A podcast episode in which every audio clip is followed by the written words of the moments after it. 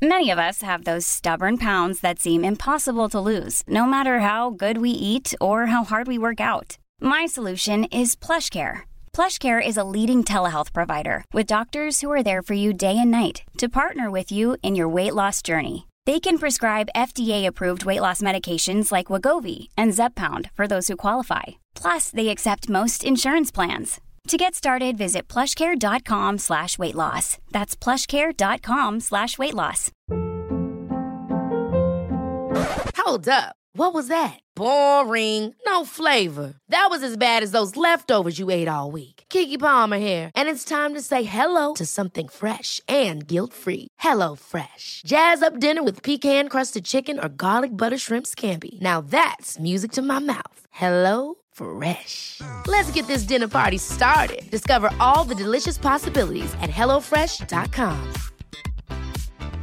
Hey, it's Ryan Reynolds, and I'm here with Keith, co star of my upcoming film, If, only in theaters, May 17th. Do you want to tell people the big news?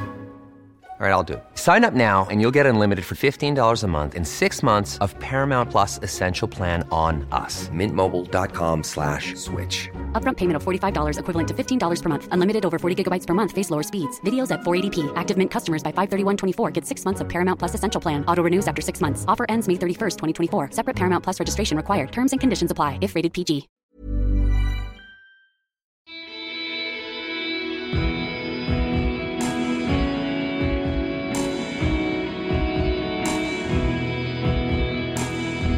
Hei og velkommen til eh, Kaptare podkast. Det er eh, episode 25, jubileumsepisode. Veldig moro at jeg har eh, kunnet lage podkast i år 2019 og kommet til 25 episoder. Jeg tenkte ikke så langt når jeg starta, jeg hadde bare lyst til å starte. Nå sitter jeg her, har lagd flere døgn med innhold. Og mange av dere har lytta til en del, noen har lytta til alt. Um, jeg får tilbakemeldinger både fra mennesker jeg møter, og jeg får eh, e-poster, jeg får eh, Instagram-meldinger. Ikke Facebook, for jeg er ikke på Facebook. Det er nok av kanaler å, å få tak i meg og sende tilbakemelding på podkasten. Og det beste du kan gjøre, er jo bare dele den mm, der hvor du liker å dele noe. Idag så har jag med mig en eh, väldigt kul dame som jag har haft lust att få på podcasten länge. Hon heter Elisabeth Barnes. Jag kom över henne genom boken till Adaranan Finn som heter Rise of the Ultra Runners. Den är um, känd för en del, och för er som inte har läst den, så kan jag anbefala den på det varmaste. For eksempel, um, ehm, hvis du vil lytte til den som lydbok, så kan du gå på audible.com, og hvis du ikke har abonnement fra før, så tegner du opp et, og så får du en gratis bok. Det er jo perfekt. Det er en uh, god lytting på løpetur. Jeg har eh, uh, lyttet uh, eh, igjen på den etter å ha lest den når den kom, nå, for å revisitere um, Elisabeth og um, ehm, det hun sier i hans bok. Uh, og det hun lærer uh, forfatteren av den boken, journalisten eh, uh, Ad Aranham. Elisabeth deler sin historie, en veldig interessant historie. hvordan hun ble ultraløper, og hvordan noen ganger små ting kan få veldig store konsekvenser. Hun er virker på meg som en veldig åpen, nysgjerrig person som legger mye hardt arbeid i det hun gjør. og har eh, jobbet veldig hardt for å komme dit hun er. Det forteller hun en del om. Ehm, det har vært selvfølgelig noen skjær i sjøen for henne også. Eh, det deler hun. Bland annat hur eh, hvordan hun har forandra litt radikalt på måten hun spiser. Det kommer vi inn på, det syns jeg er viktig. At vi har den samtalen der, som ligger egentlig veldig og ulmer akkurat nå. dette kostholdet vi har i Vesten, vi spiser 76 kilo kjøtt hver av oss i Norge i året. Det er dobbelt så mye som mine foreldre gjorde på 50-tallet. Ifølge FNs klimapanel og de som ser helheten i dette, så må vi radikalt endre måten hva vi spiser hvis denne planeten skal ha en fremtid. Det er et faktum som vi ikke kan undergrave lenger. Pga. disse tingene så er eh, det er mye som er i radikal endring, og nå når vi står på tampen av et nytt tiår, så begynner det å haste. Det er rett og slett ti år vi har nå på å snu hele dette enorme skipet som er på vei til å krasje i et kjempestort isfjell. Så hver og en av oss må ta grep, må gjøre noe. Og hvis du vil ta et enkelt grep, så handler det om å kutte kjøtt. Og det handler ikke om at man skal få noe kjipere kosthold, eller få mindre næringsstoffer, eller at maten din skal smake dårligere. Det handler bare om å utvide paletten. Og jeg kan si at uh, eh, jeg har forska mye på det her, og jeg har prøvd meg på veldig mye forskjellig. Og jeg kan si at mitt liv er rikere i dag enn det noensinne har vært. Selv om jeg ikke spiser kjøtt, eller konsumerer melk eller egg eller noen ting. Det er veldig befriende å kunne leve sånn som det, og vite at det er et fullverdig liv. Du får fullverdige næringsstoffer, og du gjør noe godt for miljøet. Du gjør noe godt for din egen helse, og du gjør noe godt for alle de dyra som lever på denne planeten med oss. Vi er i Norge kanskje verdens mest privilegerte mennesker. Vi er verdens rikeste mennesker. Og jeg som sitter her, hvit mann, heterofil, gift, to barn, jobb osv. Jeg er klar over at mine valg er enklere enn mange andre sine valg, men vi kan alle gjøre noe. Takk for at dere lytter. Jeg setter pris på hver og en av dere. Her kommer Elisabeth.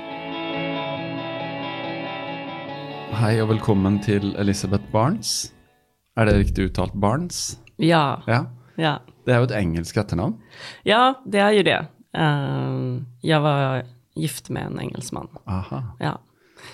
Men eh, nu när jag kommit till Norge så har jag insett att eh, det blir Barnäs.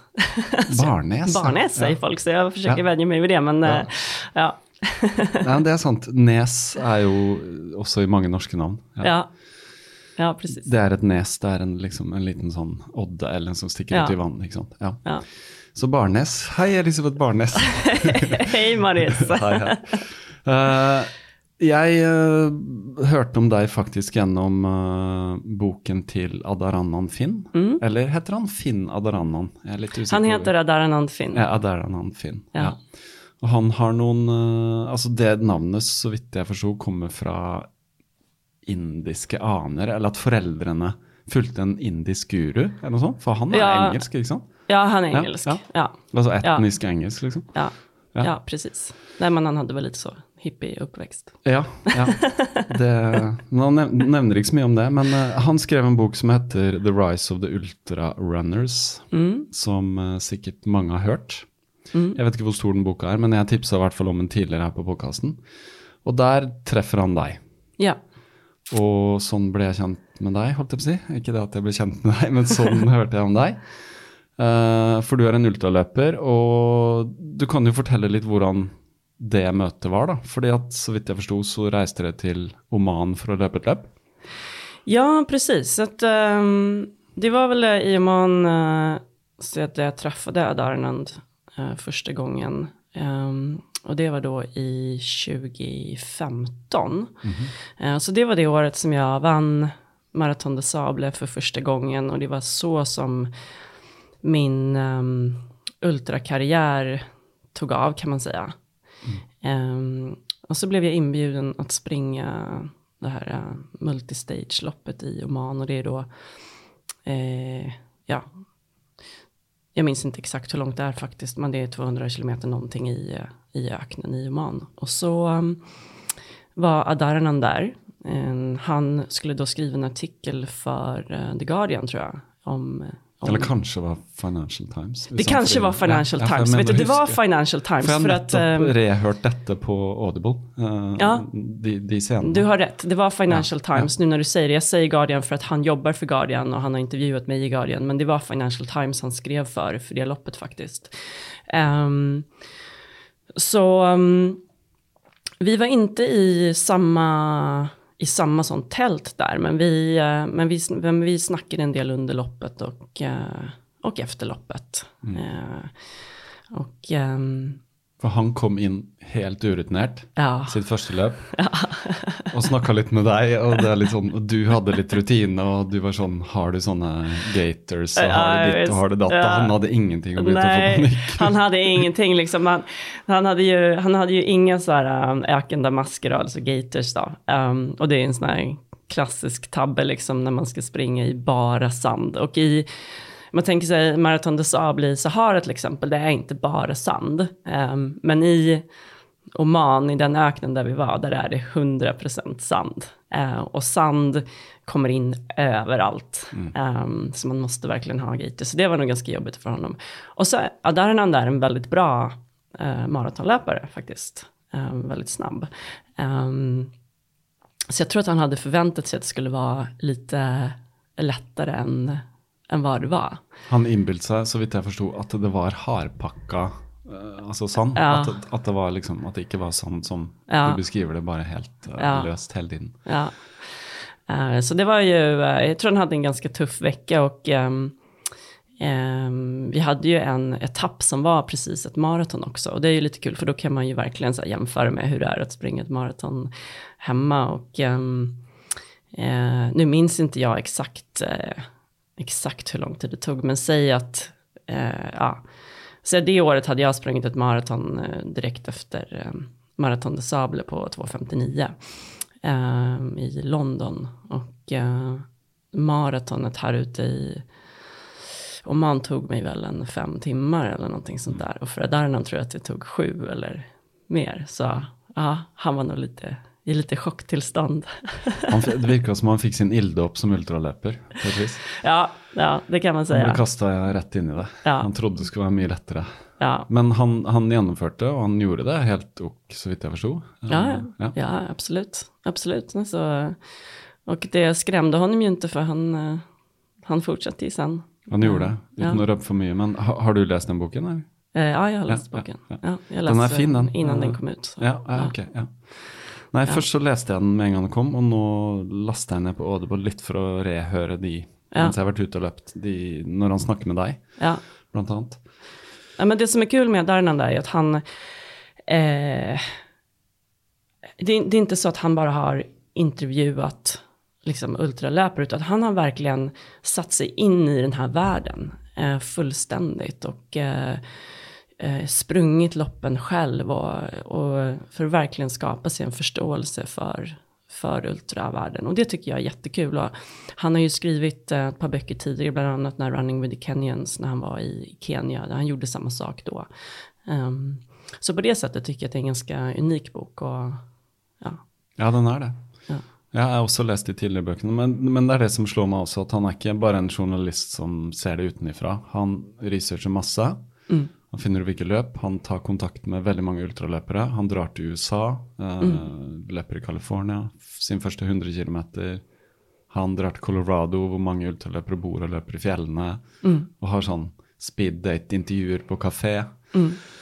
Og får liksom snakka med veldig mange og lager seg et godt bilde, da. Mm. Um, vil du si at er, er det litt sånn, fra ditt synspunkt, er det litt er det et riktig bilde av på en måte ultraverden? Er det sånn, Gir han et hva skal jeg si, et, et godt bilde av det hele? Hvordan det er en sport som vokser og ja, det Ja. tycker jag nog. Ja. ja, det tycker jag. Men bare for å spole litt tilbake Mm. med din bakgrunn. Um, du har bodd i London i mange år og jobba der. Og Ja. så var du en type gateløper, maratonløper, Mm. eller, eller hvordan begynte det hele med løping for deg? Kan jo alltid være interessant å få vite.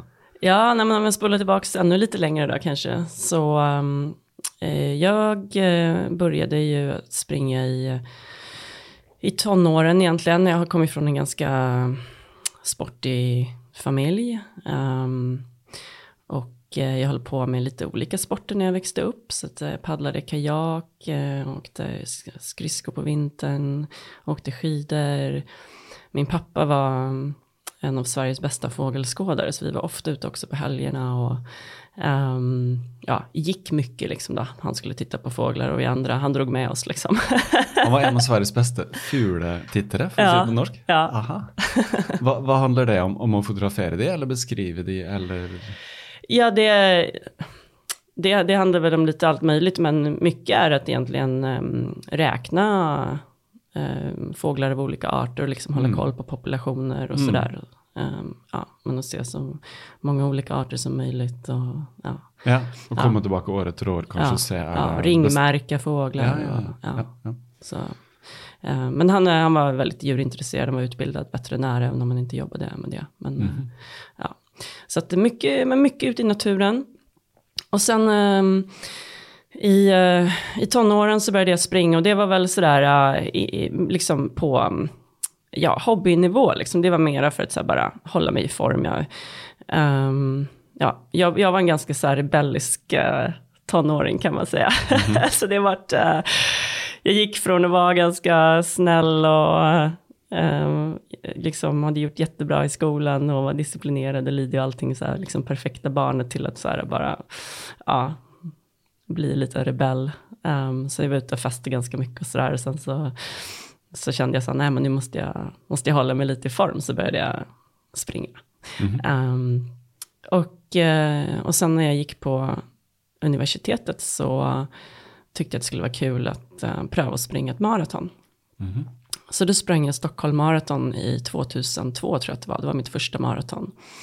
Ehm, så sprang jag 4.07, så det var ju liksom ingenting fantastiskt, men, men jag tyckte att det var väldigt kul. Jag gillade den här långa distansen, jag tyckte att det hade varit kul att eh, träna för det.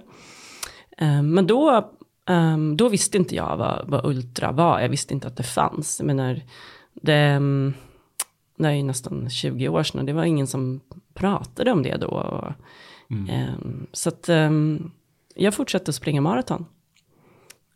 Ehm, jag sprang ganska många och förbättrade mig väl min tid till sådär strax över tre timmar eller någonting sånt där. Och så ehm, i 2007 så flyttade jag till eh, England, började jobba i London. Jag jobbade som um, managementkonsult. Och ehm, var väldigt karriärfokuserad. Som London Finans eller sån City. Ja, jobbade i city, liksom ehm, jobbade på en firma där, ja, man, man kan väl nästan säga att man blir lite hjärntvättad, liksom. man, man fokuserar bara på jobbet, man, är, man är, liksom får ett, eh, ja, jag vet inte, lite skevt perspektiv på världen kanske. Ehm, så att karriären var väldigt viktig för mig, ehm, att bli befordrad, att göra bra, jag jobbade väldigt mycket. Och Eh, Eh, jag, jag sprang en del, tränade en del, jag höll mig väl i okej form, men ja, det var väl ungefär det. Och sen eh, i februari 2010 så var jag på väg hemifrån eh, eh från kontoret och så, eh, så hade vi ett väldigt viktigt möte med en kund nästa dag. Vi skulle ha en workshop med eh, ja, ledningen för ett, ett stort företag. Och så skulle jag ta med mig lite jobb hem och bara göra det sista hemma. Och så på vägen hem så, um, så fick jag telefonsamtal från min morbror i Sverige. Då. Och då tänkte jag så här, ja vad är det? Det var, det var lite ovanligt att han ringer mig liksom. Så, så jag svarade och så sa han så här, ja du, um, du kanske kan ta och sätta dig ner. Och du var ute och gick. Jag var ute och gick, ja, jag var ute i London utanför St. Paul's Cathedral i London på väg till tåget. Ehm, och så hittade jag en eh, bänk och så medan medans jag liksom, det, var- det, ja, så började jag tänka så här, vad är det för någonting? Så tänkte jag, det kanske är någonting med min mamma, för hon hade fått eh, Alzheimer eh, några år tidigare. Och hon, eh, ja, hon var inte speciellt bra och min pappa tog hand om henne hemma och sådär, men jag visste att det var ganska jobbigt. Och så satte jag mig ner eh, och så sa han, eh, ja det är din pappa, eh, han är död. Och då, det var så här, ja, en stor chock för mig då. För min pappa var, var 68. Och han um, var, så vitt jag visste, liksom frisk och hade inga, visst han hade lite högt blodtryck, men han var liksom frisk och sportig. Och han hade precis pensionerat sig ett år innan och hade um, en massa resor planerade som han ville göra och hade precis köpt en ny bil typ så här en månad innan. Och, ja, så han hade verkligen inte planerat att uh, dö, så bara poff så bara vaknade han inte um, en morgon. Och, um, och då, då kände jag så här att, uh, nej nu, nu måste jag göra någonting med mitt liv. Uh, jag insåg att livet är väldigt kort. Och jag, jag ställde mig den här frågan att okej, okay, om, jag, om jag skulle dö imorgon, skulle jag vara nöjd med hur jag har levt mitt liv? Mm. Och svaret var ett ganska uppenbart nej. Um, så allt det som jag gjorde eh, med jobbet och med karriären och så vidare, plötsligt så bara kändes det så meningslöst. Mm. En slags uppvakning kan du säga. Ja, det var ett wake-up call. Genom ett chock. Ja, ja. Mm. och då, det var då jag började leta efter någonting. Jag visste inte vad jag ville göra, jag bara visste att jag måste göra någonting annat. Um, så då började en process. Um, och i den processen så, uh, så hittade jag Marathon de Sable. Som är då 250 kilometers ökenlopp i uh, Marocko i Sahara. Um, och, då, och då kände jag direkt så här, ja men det här är någonting som jag måste göra. Det här måste jag göra. Um, uh, och då så registrerade jag mig för det och min exman också. Uh, och då uh, registrerade vi oss för 2012, april 2012. Så i den processen så började jag då springa ultra för att träna för Marathon des Sables. Så mitt första ultralopp var Lidingö Ultra. Um, så jag åkte över till Sverige för att springa det då. Och det var 2011 mm. i maj tror jag. Ett stort känt lopp i Sverige. Ja, och då kom jag på fjärde plats. Mm. Uh, så det gick ganska bra. Sen så gjorde jag några till lopp det året och sen så sprang jag Marathon des Sables 2012. Men det var som en, ja, hobbylöpare liksom midpack. Det var inget, inget fantastiskt alls liksom. Men, eh, men jag hade väldigt kul och, och tyckte att ja, det här vill jag ha mer av.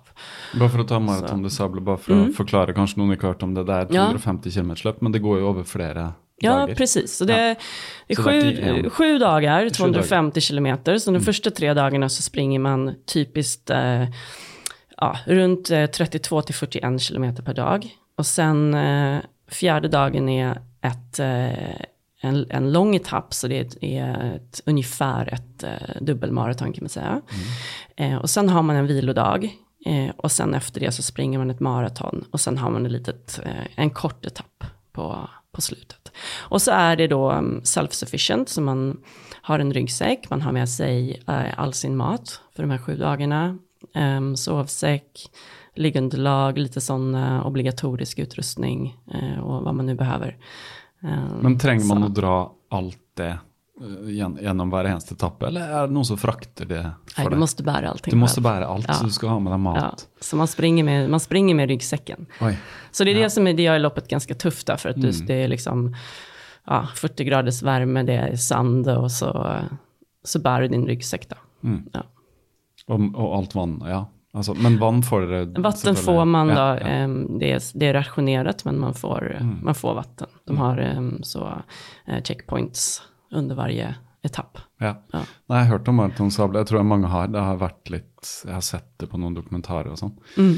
Det är en fantastisk, en digression, men uh, det är en, en, serie på Netflix som heter Losers. Ja. Jag vet inte om du har sett? Nej. Du kan jo ta en titt på hvis du har tilgang på Netflix. Ja, for ja. der er det en episode med en kar fra Italia. Og dette er ganske mange år siden, kanskje på 90-tallet, som løp Marathon de Sable.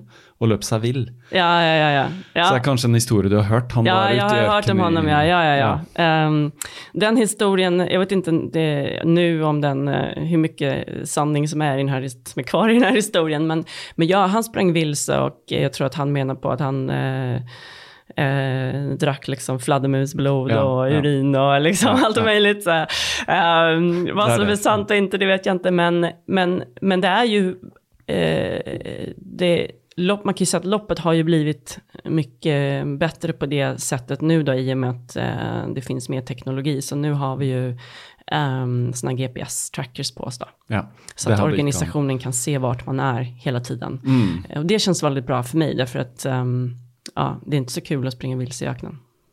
Men är det, nej, ikke sant? for det er ikke, vi jo ikke om att det är en merka løype, kanske på samma måte som jag är vant i ett skogsløp, eller? Det är, märkt, det? det är märkt och det är faktiskt ganska välmärkt. Ja. Um, och nu har ju loppet blivit större också så att, eh, jag menar från början, om du säger från början så var det väl en handfull med löpare och nu, nu är det ju, pratar vi ju mer kanske tusen löpare. Så att mm. eh, man är ju väldigt sällan helt själv om man inte är antingen väldigt långt bak eller väldigt långt fram. Men så är loppet märkt, men det är inte märkt när man går igenom um, eh, sanddyner. Så då när man kommer in i sanddynerna så, så står det en skylt um, och så står det en kompassriktning som man ska följa. Då. Um, så då kan man behöva använda kompassen. Och, och sanddyner är väldigt lätt att komma vilse i faktiskt. Um, så det händer ju, speciellt om det blir sandstorm och sådär. Och då kan man ju bli helt, ja, eh, vad heter det, disorientated. Så man Ja. inte vet vart man är någonstans. Men du, du, du har kompass, altså et klassisk kompass Mm. med, med nål. da. Ja, sant? Så du slipper å være helt avhengig av teknologi. Ja. Ja. Ja. Ehm, Men eh, utenom det så bruker du eh, Du har klokke og liksom orienterer Ja. litt sånn på tid og sånn, eller? Eh, jag, har, jag har klocka för att eh, jag gillar att, eh, jag gillar data. Ja. jag är lite Som- så datanörd. Eh, så att, eh, för man, man får en sån här, en roadbook som det heter, där de har liksom, de har en handritad karta och så har de en, en beskrivning av hur, eh, hur banan går den dagen. Ehm, och den är utritad, men det är inte någonting man kan direkt följa. Men de har ju märkningarna som sagt. Men man vet vad det är för distanser mellan checkpoints. Det är, ehm, och det, det är viktigt för mig. Så att om jag till exempel vet att det är 12 kilometer, då försöker jag uh, rationera mitt vatten som jag har, till exempel. Så jag vet att okej, efter 6 kilometer så borde jag ha druckit en flaska. Och så vet jag att om jag har druckit mycket mindre borde jag dricka lite mer eller ja, tvärtom. Ehm, och, ehm, och så tycker jag om att se ungefär hur, hur snabbt jag rör mig och sådär. Eh, så det är viktigt för mig. Men alla, alla har ju inte en klocka liksom, man behöver ju inte det. Men eh, för mig är det viktigt. For mange løper dette løpet bare på en måte for å ha gjort det. Fordi det er en, en ganske episk greie, ikke sant? Ja, Ja. det är ju det. Men er, er det noe Kan man bare melde seg på, eller er det, kreves det noe forhånds Altså at du har løpt ultraløp før, eller må du bevise noe, eller ha noe på en måte erfaring, eller hvordan? Nej, eh, det, är- det är inga sådana eh, krav eller, eller någonting, utan vem som helst kan egentligen anmäla sig. Ehm, ja, Ja. man behöver lite pengar på kreditkortet bara. ja. Ok. Det är ganska dyrt. Til, til, til, at- at det er ganske dyrt, ja? Ja, ok. Ja. Men det, är, men det är en fantastisk, det är en fantastisk eh, upplevelse. Det är ett väldigt välorganiserat lopp. Ehm, och många som, eh, som vet vad det är kanske tänker, ja men det verkar helt otroligt, det är ingenting som jag skulle kunna göra eller, eller någonting. Men jag skulle säga att faktiskt om man som nybörjare på Ultra vill ha ett utmanande lopp, men som är väldigt välorganiserat, då tycker jag att Marathon des Sables är utmärkt. Det är inte så många lopp som kan matcha det när det gäller liksom säkerhet, organisation och allt det man faktiskt ändå får för det man betalar. Så dette debuterte du sammen med mannen i 2012. Mm. Hvordan var den, det første løpet? Var det som noe du hadde forventa, eller var det hardere, eller var det, hvordan var det? Ja, det var, jag, jag beskrev det efteråt som att ehm, den bästa semestern jag någonsin haft. Eh, det var, det var, jag tyckte att det var, jag vet inte, det var, jag visste inte riktigt vad jag skulle förvänta mig. Jag var väldigt, väldigt nervös, men det var ganska obefogat. Ehm, det var varmt, det hade jag ju förväntat mig. Jag var väldigt orolig hur jag skulle hantera värmen. Jag trodde att jag var väldigt dålig på att springa i värme, men det visade sig att det var jag inte. Um, utan den biten gick faktiskt uh, väldigt bra. Um, jag klarade mig bra i de här loppen, jag hade inga större problem, jag fick, blev inte magsjuk, jag fick inte um, så mycket skavsår på fötterna och sådär, utan uh, det gick bra och jag hade, uh, det var väldigt, det var väldigt kul. Det som är så fantastiskt med Marathon de Saule tycker jag, det är att um, menar, vi har ju alla, vi, vi, har, vi lever stressiga liv i dagens samhälle. Och vi är connected hela tiden. Um, det är liksom sociala medier, det är e-mail och det är liksom allting. Um, men när man kommer ut dit så har man en möjlighet att komma undan allt det en vecka. Och, eh, och så lever man ett väldigt så här, eh, enkelt liv. Så det är helt andra saker som blir viktiga. Liksom. Man kommer mycket längre ner på så här behovspyramiden. Liksom. Så det, man springer och så äter man, man är hungrig, liksom man, man lagar sin mat och man äter och så sover man. Och det, det är typ det man gör. Liksom. Och så um, är det så viktigt att ta hand om sig för att klara sig genom veckan. Och, och så har man hela sitt liv i en liten ryggsäck. Um, och det är befriande på något sätt. Uh, man får ett annat perspektiv på livet. Um, och jag kände ju det att, att uh, det som jag kanske var stressad över hemma och oroade mig över och så vidare var egentligen inte alls viktigt. Mm. Um, så den upplevelsen tycker jag är väldigt nyttig då, kan man säga. Så du ble, ja, du ble rett og slett litt hekta på den, kanskje? Siden du har Ja. reist tilbake. Ja. Eller løpt mange. Men hva, hva er det med på måte sånn Du sa at du Beklager. At du takler varmen og sånn bra. Men hva er det med et sånn løp i ørken eller i varmen som tiltrekker? For at mitt inntrykk er at det er ikke så mange som drar dit, kanskje? Altså sånn av sånn norske løpere som løper ultra og sånn, så er det mye det er mye skog og terreng og fjell og over og ned og over og ned og opp og ned og opp og ned og sånn. Men hva er det med det derre For at jeg har sett noen bilder, og det er noe sånn monotont med å liksom løpe i ørken, og den solen som står og hamrer ned fra rett over deg, liksom. Ja, Hva er det, hva er det med det som tiltrekker? Ja, säg det. Alltså, Det, det er godt og varmt. Det jo det, är, det är varmt, om man gillar värme så är det bra. Ehm, så jag tror att, att ehm, många, speciellt kanske skandinaver, är lite, lite onödigt rädda för värme. Ehm, kroppen är väl anpassad till värme. Det är lätt att, eh, att akklimatisera sig till värme faktiskt. Det tar två, tre veckor. Men det är någonting som de flesta kan göra. Så det är ingenting man behöver vara, vara liksom orolig för egentligen. Ehm, det är ju ett fascinerande landskap. Det är ju kargt kan man säga. Det, det finns ju liv men ja, det är in- inte så mycket kanske. Ser du noen, Eh. Har du møtt på noen dyr, eller sett noen dyr, eller er det, er det helt Eh, mest kameler. Ja, sant. Ja. Og de er tamme som oftest, eller? Sant? Eh, Inte ja, vildkameler, ja, nej. ja. Nej, de, de, de, de, eh, hör väl till eh, Nomader Ja, nomader, precis. Ja. Så man ser ibland, man ser lite nomadfamiljer, man ser kameler, man, man kan se lite, ibland lite spår efter eh, ormar kanske eller sånt där. Men, eh, och så ser man lite, um, lite skelett som ligger här och där. um, Ikke mennesker. Håvard. Nej, nej, det har jag inte sett än. Ehm, eh, nej, men det är ett fantastiskt landskap. Det är väldigt, väldigt vackert. Och speciellt eh, sanddynerna. Ehm, och sen har du sådana här stora, stora vidder. Liksom. Ehm, det är ju ganska, förutom sanddynerna så är det ett ganska platt landskap egentligen. Ehm, lite berg, um, sanddyner. Mm, torkade, uttorkade sådana här sjöar. Eh, lite steniga platåer. Och så, ja, så solen då. Um, så det går inte liksom att gömma sig från den. Nei, den, den går jo rett opp. Ja. Altså, den, det er jo såpass langt sør Ja. den står ganske Ja. i holdt på å si zenit. Ikke sant? ja, nej, från typ klockan åtta på morgonen så är det ju, blir det väldigt varmt på en gång. Och så, Men ehm, dekker man seg til, eller løper man på måte med lite klær, eller? Jag tycker personligen att det är bättre att inte ha så mycket på sig. ehm, för, för värmeregleringen då. Mm. Ehm, så jag brukar ta så, shorts, en t-shirt och så solkräm. Ehm, Og så noe på hodet? Ja, det är bra. Jag Ja. brukar ha en sån här, um, en keps med, um, eller vad heter det, sån legionärshatt typ heter det va? Mm. Um, sunhat brukar jag bara säga på engelska. Sand hat? Sun, sunhat, med sån här uh, flapp, neckflap som, är, som täcker uh, nacken lite. Eh, men just att, um, för jag har lite mörkt hår, så att, um, eh, att ha en, uh, någonting ljust på huvudet har jag känt hjälper av. Sen så att ha en, uh, just en skärm också som kanske tar bort lite av uh, solen från ansiktet um, är bra. Så det kan hjälpa.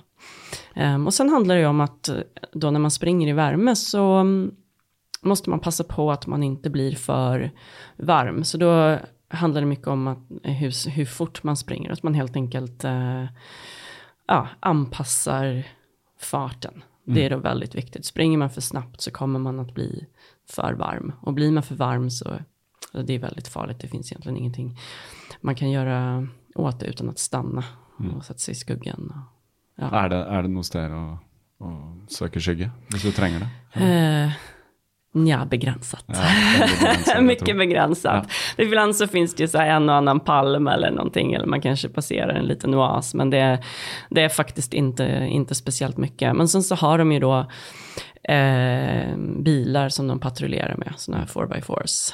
Um, Så att de, de har ju koll på, de har ju koll på folk då. Ja, ja. Men etter å ha løpt dette første og reist da tilbake til London og gått tilbake på jobb, eh, hvordan var det da?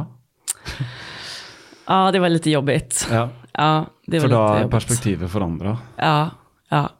Och då, ja, men då, då så visste jag att nej, men nu, liksom, jag fortsatte den här planen och det var en process där efter att pappa gick bort. Så det här var en del av den processen på något sätt. Och så, ehm, så gick jag en kurs för att bli um, um, så här sports therapist, eh, man- manuell terapeut eller kanske man kan kalla det på norska. Ehm, och så började jag jobba med det ett tag parallellt med jobbet, så jag gick deltid på jobbet, så började jag jobba med, med det, satte upp en ehm, klinik faktiskt. Ehm, och sen så kom det en möjlighet för mig och min man att eh, köpa en sportbutik, en väldigt liten sportbutik um, som var online. Och så tyckte vi att det kunde vara kul. Um, så då gjorde vi det. Um, så då hade vi den här kliniken och så hade vi den här butiken och så jobbade vi fortfarande båda två. Så det, då, då, då fick vi liksom ja, ändra på lite saker. Och det gjorde vi så att um, han, han sa upp sig från sitt jobb, jag fortsatte jobba deltid och sen på något sätt så fick vi ihop allt det här. Men sen så insåg vi att butiken var viktigare än kliniken så då stängde vi ner kliniken och fortsatte med butiken så fick vi den att växa. Och så blev det så att, ehm, ja, jag sprang Marathon des Sables igen i 2015. Noen år senere, da. Ja, några år senare. Och det var då när vi höll på. Jag, jag jobbade fortfarande i London. Ehm, men så hade butiken växt. Eh, men fortfarande inte tillräckligt mycket att liksom två personer kunde leva på det. För när man, när man har en startup så, alla som har en startup vet att det är väldigt hårt jobb och man måste investera mycket eh, innan man kommer någonstans. Så det var liksom att bara ja, stoppa in alla pengar som företaget genererade. Stoppa in allting till att det skulle växa. Så att eh, vi kunde som inte ta ut någonting. Så det var mycket hårt jobb. Og Harde kår. ja. Som heter. Men, eh, men så sprang jag Marathon des Sables igen och så, eh, och så vann jag. Och det var ju liksom så här, jaha. eh, vi hade fått till några, typ, eh, några månader med väldigt bra eh, träning. Um, Hadde, du- hadde du løpt ultraløp mellom da 2012 og 2015? Du fortsatte å Mm, jag fortsatte jag, jag sprang, ehm, jag sprang lite allt möjligt. Sprang några kortare lopp, så sprang jag några um, eh, 100 milers. Och så sprang jag ett lopp som heter Grand Union Canal Race som går mellan ehm, Birmingham och London som är 235 kilometer nonstop längs, längs Grand Union Canal. Så det är så här helt platt längs en kanal. Eh, 2,35. Ja, Oj. alltså det var ju liksom. Hvor lang tid tar det, da? Ja, det tog, uh, jag, jag tror det tog mig 37 timmar. Um, men de som vinner springer ju med på så här, typ 24. Um, och jag skulle, eh, ja, jag skulle kunna springa det snabbare idag eller liksom så, men, men då var det, ja. Men du hadde, da hadde du egentlig fått brynt deg ganske mye på ganske mange løp.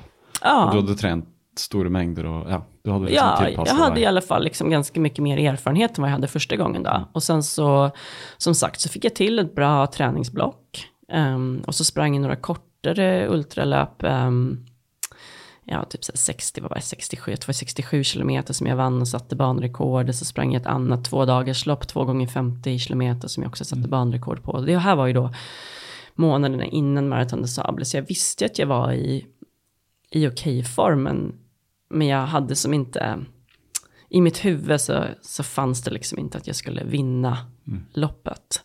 Eh, Det bara fanns inte för mig. Och ehm, jag vet inte varför egentligen, för jag hade ju vunnit de här andra loppen, men jag tänkte nog bara att Marathon des Sables är så stort och liksom, ja, internationella löpare och här kommer lilla jag liksom. Och, och sen till saken hör att jag, jag var uppfostrad väldigt mycket i så här jantelagens anda liksom. Ehm, så, eh, så även om jag var, har talanger för många saker, jag var bra på många saker sådär, så ehm, Så ska du inte tro att du kan komma Ja, här och ja, komma här var, och ja, vinna. Det var liksom. väldigt mycket så. Det, och det, det, det, det tror jag liksom, det som man har med sig från sin uppväxt, det sitter ganska djupt eh, rotat. Ja. Ja. Så att eh, jag hade som inte det självförtroendet. Eh, men sen så, så Men kom... efter det så må det ha skett något. Ja, Ja. ja. Nej, för när jag kom tillbaka dit då, så vann jag, jag vann ju eh, första etappen. Jag insåg inte ens det, utan eh, jag bara, det kom några journalister och satte upp en så här mikrofoner typ i ansiktet på mig. Jag kom över mållinjen och började prata. Jag bara så, ah, de bara, ja men du har ju vunnit, inser du inte det? Jag bara, oj, nej. Och sen så vann jag varje etapp, så vann jag hela loppet. Ehm, och det var ju liksom fantastiskt. Och då, då insåg jag så här, okej, nu har jag en plattform. Det här måste jag göra någonting med. Nu har jag fått en möjlighet. Och då um, så jag sprang flera lopp. Jag träffade Ian Corless som är en eh, fotograf i ultravärlden som folk kanske har sett och hört om. Ehm, och eh, han jobbar för många, många ultralopp eh, internationellt. Och han hjälpte mig lite grann. Så att han fixade lite andra lopp till mig som jag kunde springa. Och det gick bra. Ehm, och, eh, och sen ledde det till att jag fick ett eh, sponsoravtal. Ehm, och det gjorde att jag kunde säga upp mig från jobbet. Så det gjorde jag. eh, det gjorde jag till slut. Det var inte förrän i 2016 som jag sa upp mig från jobbet. Men eh, ehm, ja. Hvordan bare sånn sett utenifra, de du jobbet med, som fortsatt var selvfølgelig helt inne i, i det de gjorde, hvordan be, fikk du noen tilbakemeldinger? Hvordan betraktet de din på en måte transformasjon da? Ja, alltså medans jag, ehm, medans jag fortfarande jobbade så visste ju folk visste ju att jag sprang och sådär. Och det, ehm, jag tror att de flesta tyckte att, eh, ja, alltså de tycker att det är jättekul, men det är, det är väldigt få som förstår att det ens går att göra. Du vet, de tycker man är helt knäpp i huvudet. Ja, det er det jeg tenker. At sett Um, utenifra så kan det virke ja. sånn helt Ja, det är bara Sök. hur kan du liksom det, de, det, det, för många så är det så främmande att man, att man kan springa liksom, en, att en springer längre än ett maraton liksom, men att springa liksom 250 kilometer i öknen eller sådana här saker, det är för många helt oförståeligt. Ja, Um, altså I tillegg gi opp en god lønn, sikkert, og Ja. kall det et trygt liv da, i Ja. London. Og, Och det är ju intressant för att en del, eh, en del har ju liksom kanske inte alls förstår varför man skulle vilja göra det. Men vet du vad, jag, det som jag har märkt det är att det är det som väldigt många drömmer om att kunna göra. Mm. Men det är väldigt få som vågar. Ja, Därför våger å att- det. Altså, ja, ja. vi är så... Vi är trygghetssökande. Jag tror det är naturligt som människa. Man är trygghetssökande. Och så... Och så... Och så har man kanske också byggt upp liksom ett liv där man har, man kanske har barn, man kanske har ett hus, man har lån, eh, man har höga kostnader. Ja. Det är kan väl- alle de. Ja, ja. Och, och, då, och, då, och allt det här bygger man upp lite gradvis, eller hur? Och sen så plötsligt så, så inser man att ja, jag kanske vill göra något annat, men jag är fast. Mm. Liksom, hur, hur kom jag ur det här? Och så, jag, jag menar, jag, jag var där. Jag hade hus och lån och liksom, okej, inte, inte barn, inte mina egna i alla fall. Um, men um, men jag, jag var, alla har ju ett val. Alla har ett val. Det är lätt. Det är så lätt att skylla på saker. Eh, skylla på andra saker, skylla på omständigheter och inte ta ansvar för, för sitt eget liv och sina egna beslut och vad man verkligen vill. Men faktum är ju att alla kan ändra sitt liv. Man måste bara vilja och våga. Och jag tror att många vill, men inte vågar. Jag tog väldigt stora finansiella risker för att göra det här. Ehm, vi sålde vårt hus, vi investerade allting i företaget. Ehm, det var ett par månader när jag inte visste hur jag skulle betala mina räkningar. Kreditkortet var utmaxat, jag hade personliga lån. Ehm, det var verkligen en dålig situation och jag bara hoppades att det skulle vända. Ehm, och det gjorde det. Ehm, men det, det krävdes eh, hårt jobb och många sömnlösa nätter. Om jag hade vetat att det skulle vara så, så svårt som det var, då vet jag inte om jag hade gjort det. Så jag är glad att jag inte visste det, för att jag ångrar ingenting. Jag har lärt mig så otroligt mycket på den här resan. Och, eh, och det som är så kul nu, det är att om jag ställer mig den här frågan igen som jag ställde mig när min pappa dog, att om jag skulle dö imorgon, skulle jag vara nöjd med hur jag levt mitt liv? Nu kan jag ärligt svara ja på den frågan. Um, och det känns väldigt bra. Så att, uh, jag menar, livet som egenföretagare och, och löpare och entreprenör är liksom inte lätt, men det är väldigt intressant. Mm. Mm. Men jeg tror det du sier der, at, uh, igjen, at du stiller deg det spørsmålet hvis jeg forsvinner i morgen og får tid til å reflektere, er fornøyd? Altså, det er jo et spørsmål som er veldig enkelt å stille seg, men som veldig få våger, da. Mm. Ikke sant? Og det er naturlig, sånn som vi her i Vesten, og særlig liksom i den rikeste delen av Vesten også, lever våre liv for at alt Altså, ingen trenger å sulte eller være fattig eller Nei. lide på noe som helst vis. Nej, Nei. Eh, egentlig, hvis ikke Nei. de velger det selv. Men allikevel så er det virkelig som det er flere og flere som, som søker ut da, mm. Av Kall den karusellen liksom, hvor, hvor du på en måte er pressa mot veggen av sentrifugalkraften i hele den ja. i det der kapitalisthjulet, da. Ja, Eh, ja. Och det gör ju också, jag tror när man också är liksom i det här hjulet då, liksom man, man tror att man behöver saker som man inte behöver. Liksom. Det, det, mm, kanske på grund av den kretsen man umgås med och, och liksom press från, från jobbet. Och liksom det, det blir som en, en liten värld som, Ah, jag vet inte, jag menar det kostar, det kostar faktiskt ganska mycket pengar att jobba också. Jag menar jag insåg det när jag, när jag slutade jobba. Um, och innan jag sa upp mig, jag satt och räknade på liksom, när kan jag säga upp mig, kommer jag ha råd och så vidare. Men, men faktum är att jobba i London kostar mycket pengar. Det är dyrt att pendla. um, du måste ha eh, jobbkläder. Liksom jag går inte omkring i kostym på fritiden. Liksom. Eller, liksom, så, så man behöver en jobbgarderob. Ehm, Du må bo i et det kostar bra hus eller en leilighet sentralt, kanskje? eller? Ja, eller jag bodde ju lite utanför och pendlade, men, eh, men ja, det är ganska höga kostnader som sagt att pendla. Och sen så är det dyrt att äta lunch i London. Och, Så när jag liksom la ihop allting så insåg jag att ja, det kostar ganska mycket pengar att jobba. Så när jag slutade jobba i London så kommer jag inte att ha den här kostnaden. Och jag behöver inte tjäna lika mycket pengar. Ehm, och det är också mycket som man kanske tror att man behöver, som man faktiskt inte behöver. Ehm, så jag insåg att jag, liksom, jag kunde leva på mindre än det jag, än det jag tjänade. Och det, då accepterade jag det, liksom, att det var en kompromiss. Man kan, inte, man kan som inte få, få allt. Nei. Nei, nei, altså livet trenger ikke å bli sämre eller dårligere Nei. fordi at man på en måte kutter ut de tingene der. nej, Men jeg tror når vi sier det, altså at vi kjøper mye ting og sånn, så det handler jo mye om sånn hvordan vi er i dag i sosiale medier. da, At alle er liksom bilder av seg på Facebook og hvor enn, og ting skal fremstå jævlig bra. da. Så det handler jo litt om det også, og det koster jo på en måte penger å opprettholde en sånn.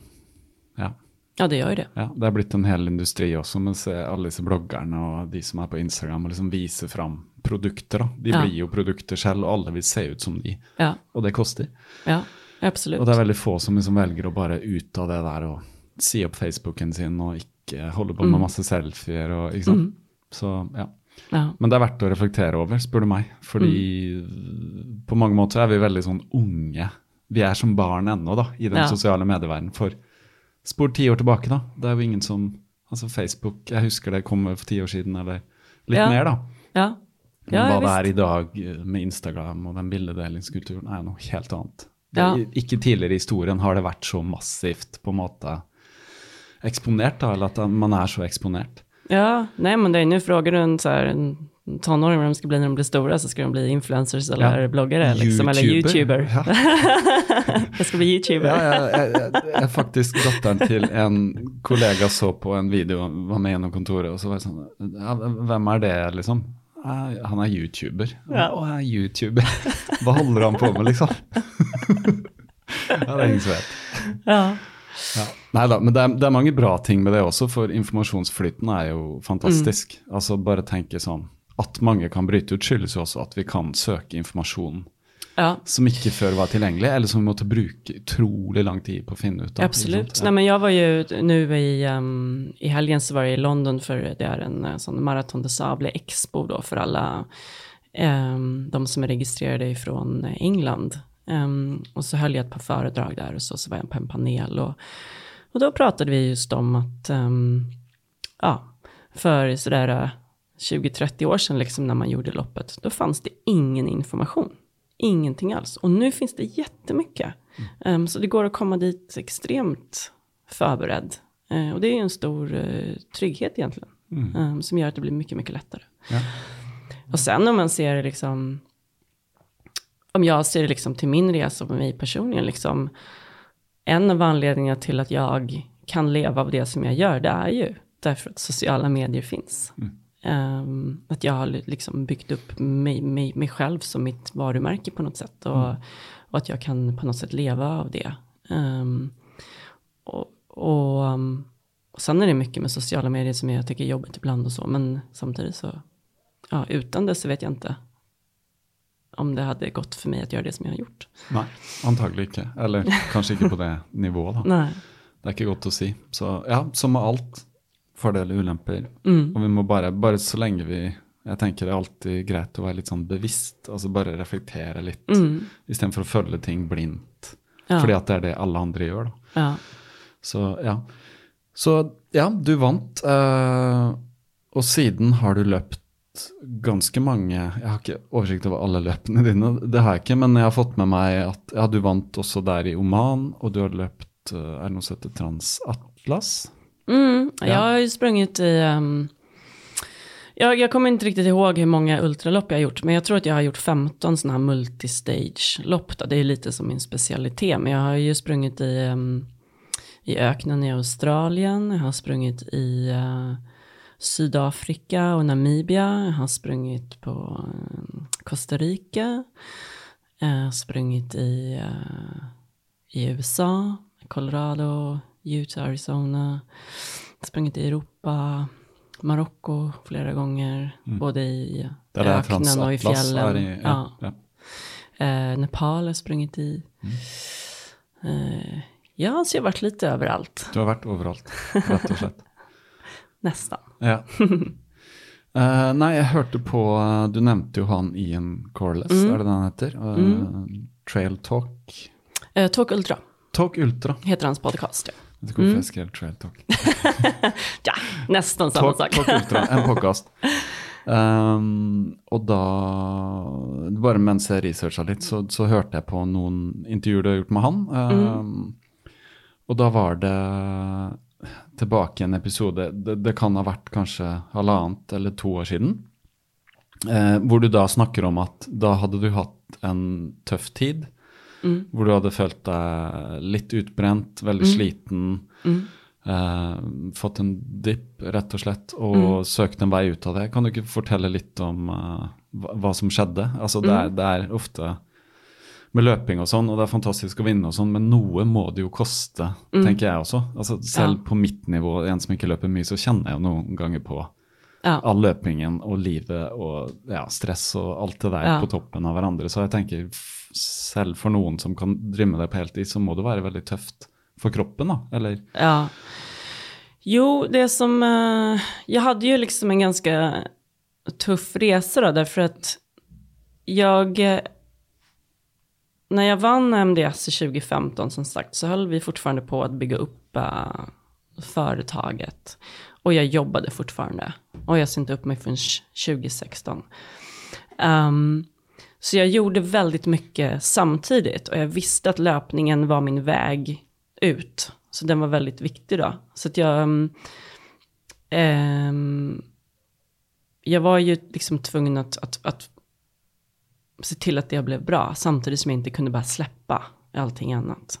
Så att jag gjorde ju några lopp i 2015. Och sen blev 2016 eh, ganska eh, intensivt. Så jag sprang i Costa Rica i februari, jag sprang Marathon de Sable i april. Och då var jag egentligen väldigt stressad när jag sprang Marathon de Sable 2016. Jag hade inte tränat tillräckligt. Det har varit väldigt, väldigt mycket jobb. Jag kände mig trött. sliten, jag vill egentligen inte vara där. På något sätt så lyckades jag skrapa ihop till fjärde plats, men jag liksom kände att nu måste jag skärpa mig. Liksom. Mm. Och så efter det så sprang jag ett multistage-lopp i, först i Sydafrika och sen någon vecka senare i Australien. Uh, och sen senare det året så sprang jag Grand to Grand uh, i USA som gick till multistage-lopp. Så alla de här loppen var ju 250 km långa. Liksom. Så jag sprang fem sådana på ett år.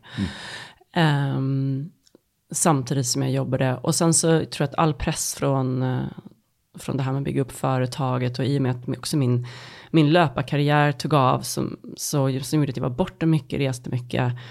Det här ledde till det att förhållandet med min exman, det, det, ja, det bara liksom bröt ihop. Mm.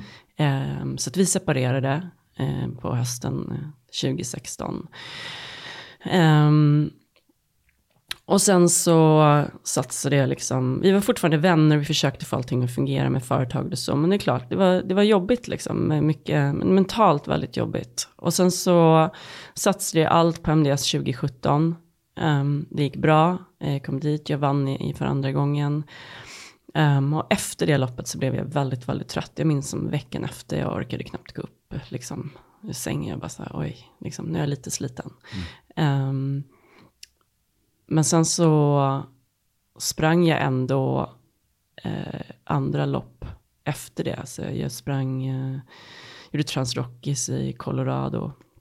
Kommer jag ihåg på, på hösten. Jag minns inte riktigt vad jag gjorde under sommaren, men jag, jag tränade ganska mycket under sommaren, var på Teneriffa. Sen sprang jag, mm, eh, så sprang jag Kungsleden med Sondra Amdahl, eh, som jag nu är gift med. Men ja, det var så vi, vi lärde känna varandra lite bättre. Så sprang Kungsleden då, väldigt lång, 440 kilometer på sex dagar. Och sen så, Hur långt? 440 kilometer. 440 på mm. sex dagar. Jag sprang faktiskt ja. bara, bara 360 för jag gjorde illa foten. Men vi kan ju prata mer om det senare. Ja. Men, så det var väldigt mycket mm, i alla fall som hände. Sen så åkte vi till Nepal, så sprang jag Everest Trail Race i Nepal och så, så kom jag tillbaka. Så skulle jag ha training camps i januari och, liksom, och jag tror att jag hade ackumulerat så mycket stress över liksom ett par års tid att plötsligt så bara orkade inte kroppen. Mm. Jag bara gick som helt in i väggen. Um, jag minns att jag skulle leda en så här, liten löptur i um, någon helg. Och jag var tvungen att bryta efter åtta kilometer. Jag bara orkade inte liksom. Mm. Um, och då kände jag liksom shit, nu har jag, nu har jag kört mig själv i, i botten liksom. Och då insåg jag att jag, ja, att jag bara var liksom tvungen att ta time-out och ta hand om mig själv. Mm. Ja. Det är inte lätt när det är på något vad ska jag säga, yrket ditt då?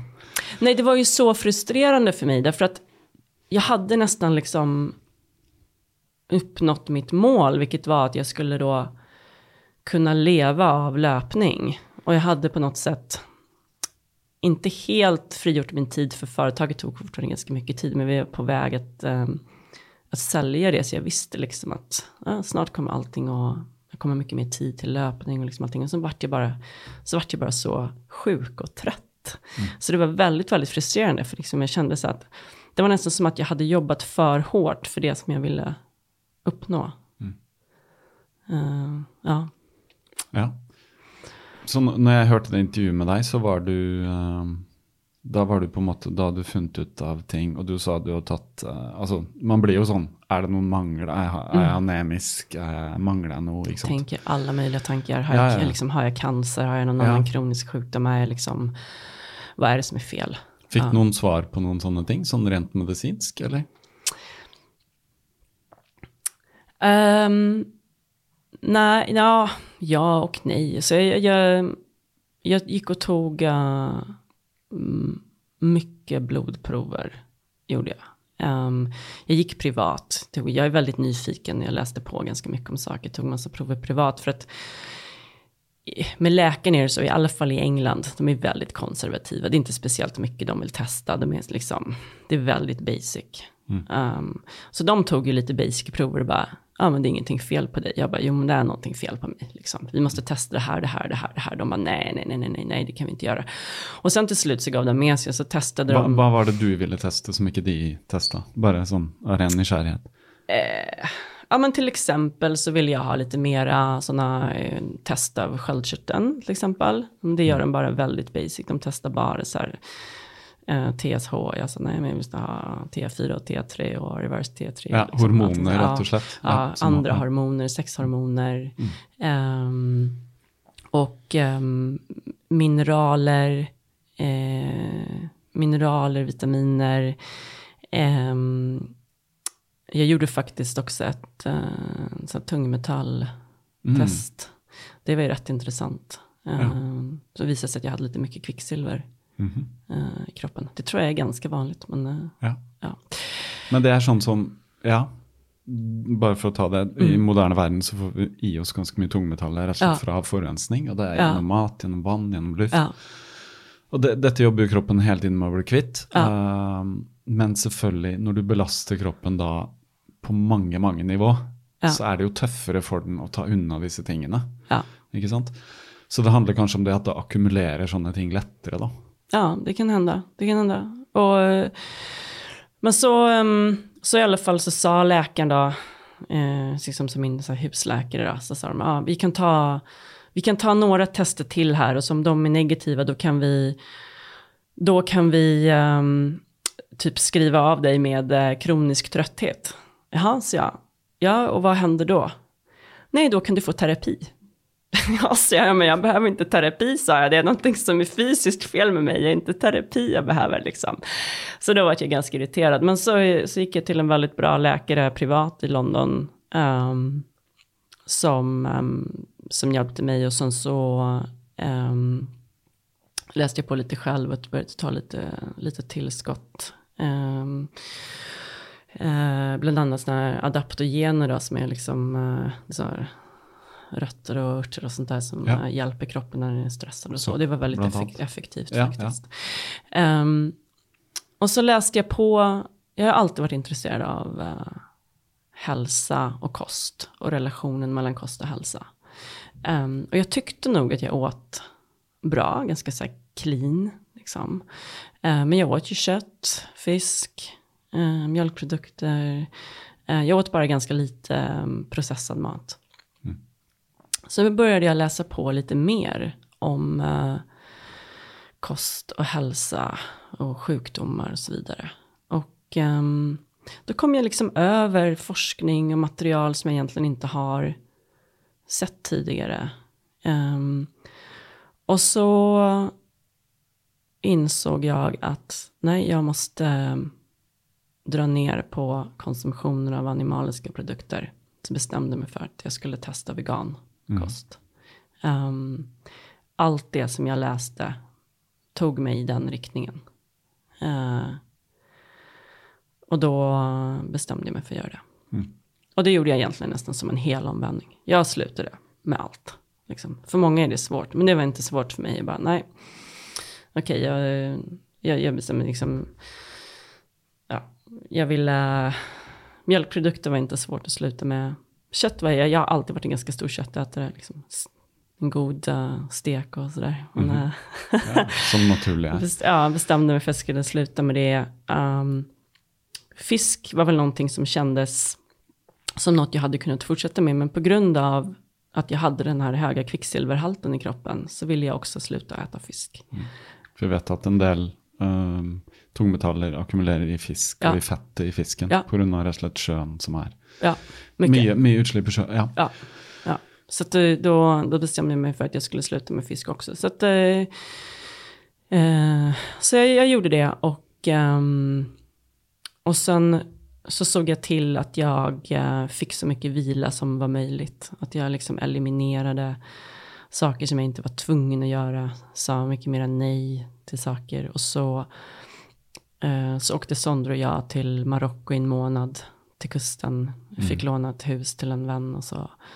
Bara för liksom, att jag skulle få vila upp mig. Eh, N- Når, når var dette? Hvilket år er vi nå?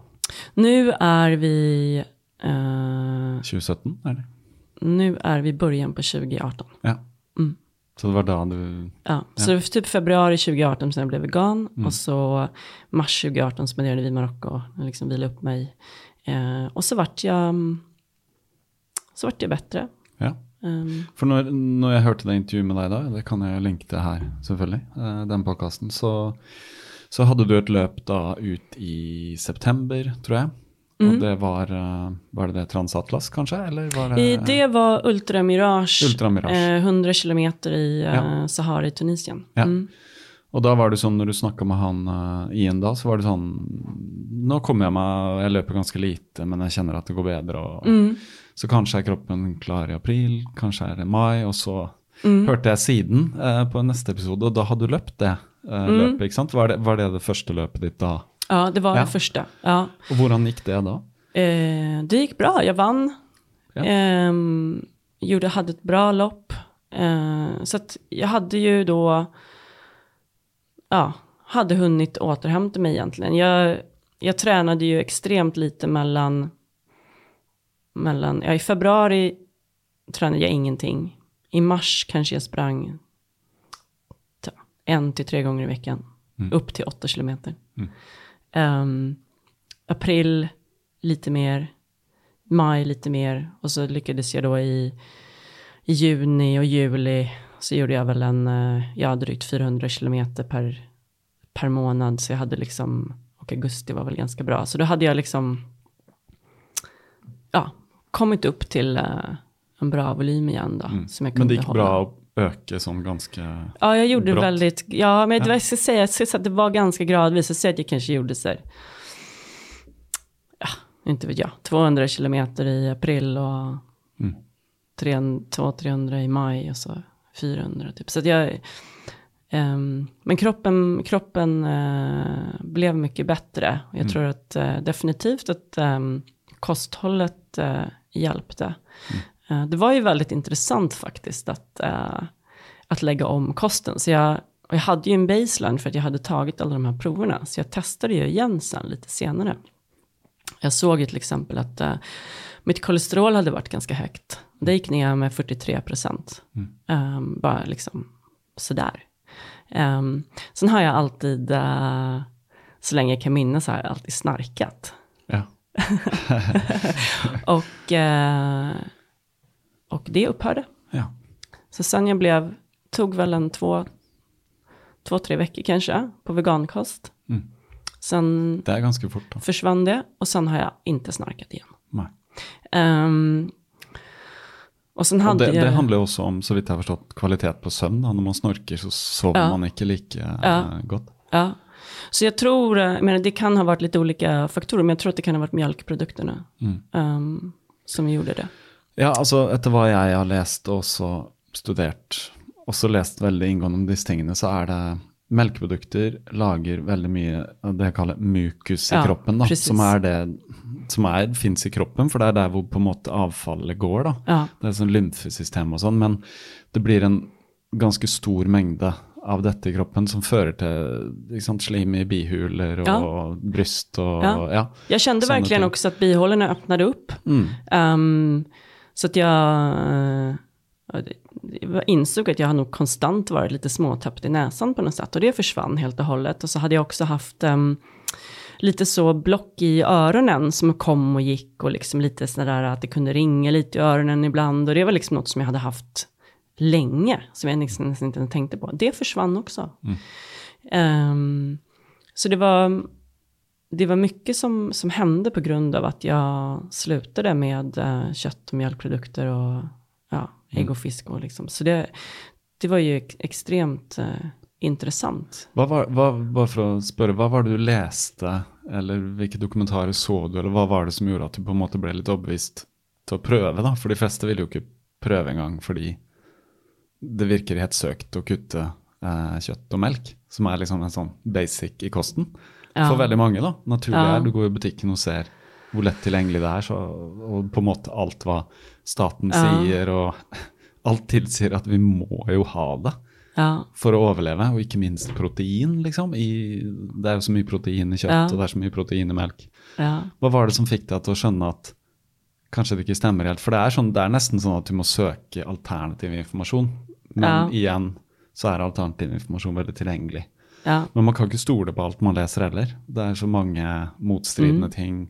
Hva var det som på en måte fikk deg overbevist? Var det bare mengden, eller var det andre du så til, eller var det Ja, jag minns inte ens allt jag läst, men jag läste ju till exempel då, en China Study by um, Colin Campbell. Kan- Den er veldig kjent. Ja. Det er jo en dokumentar der som er veldig bra, som jeg har sett, som heter uh, Forks, Forks Over Knives, ja, ja, den kollade på jag på. Alle Ja. burde se den. Alla borde se den. Absolutt, for den er jo virkelig basert på en av verdens største Ja. eh, undersøkelser, hvor de eh, har sett på i Kina hvordan de spiser, Ja.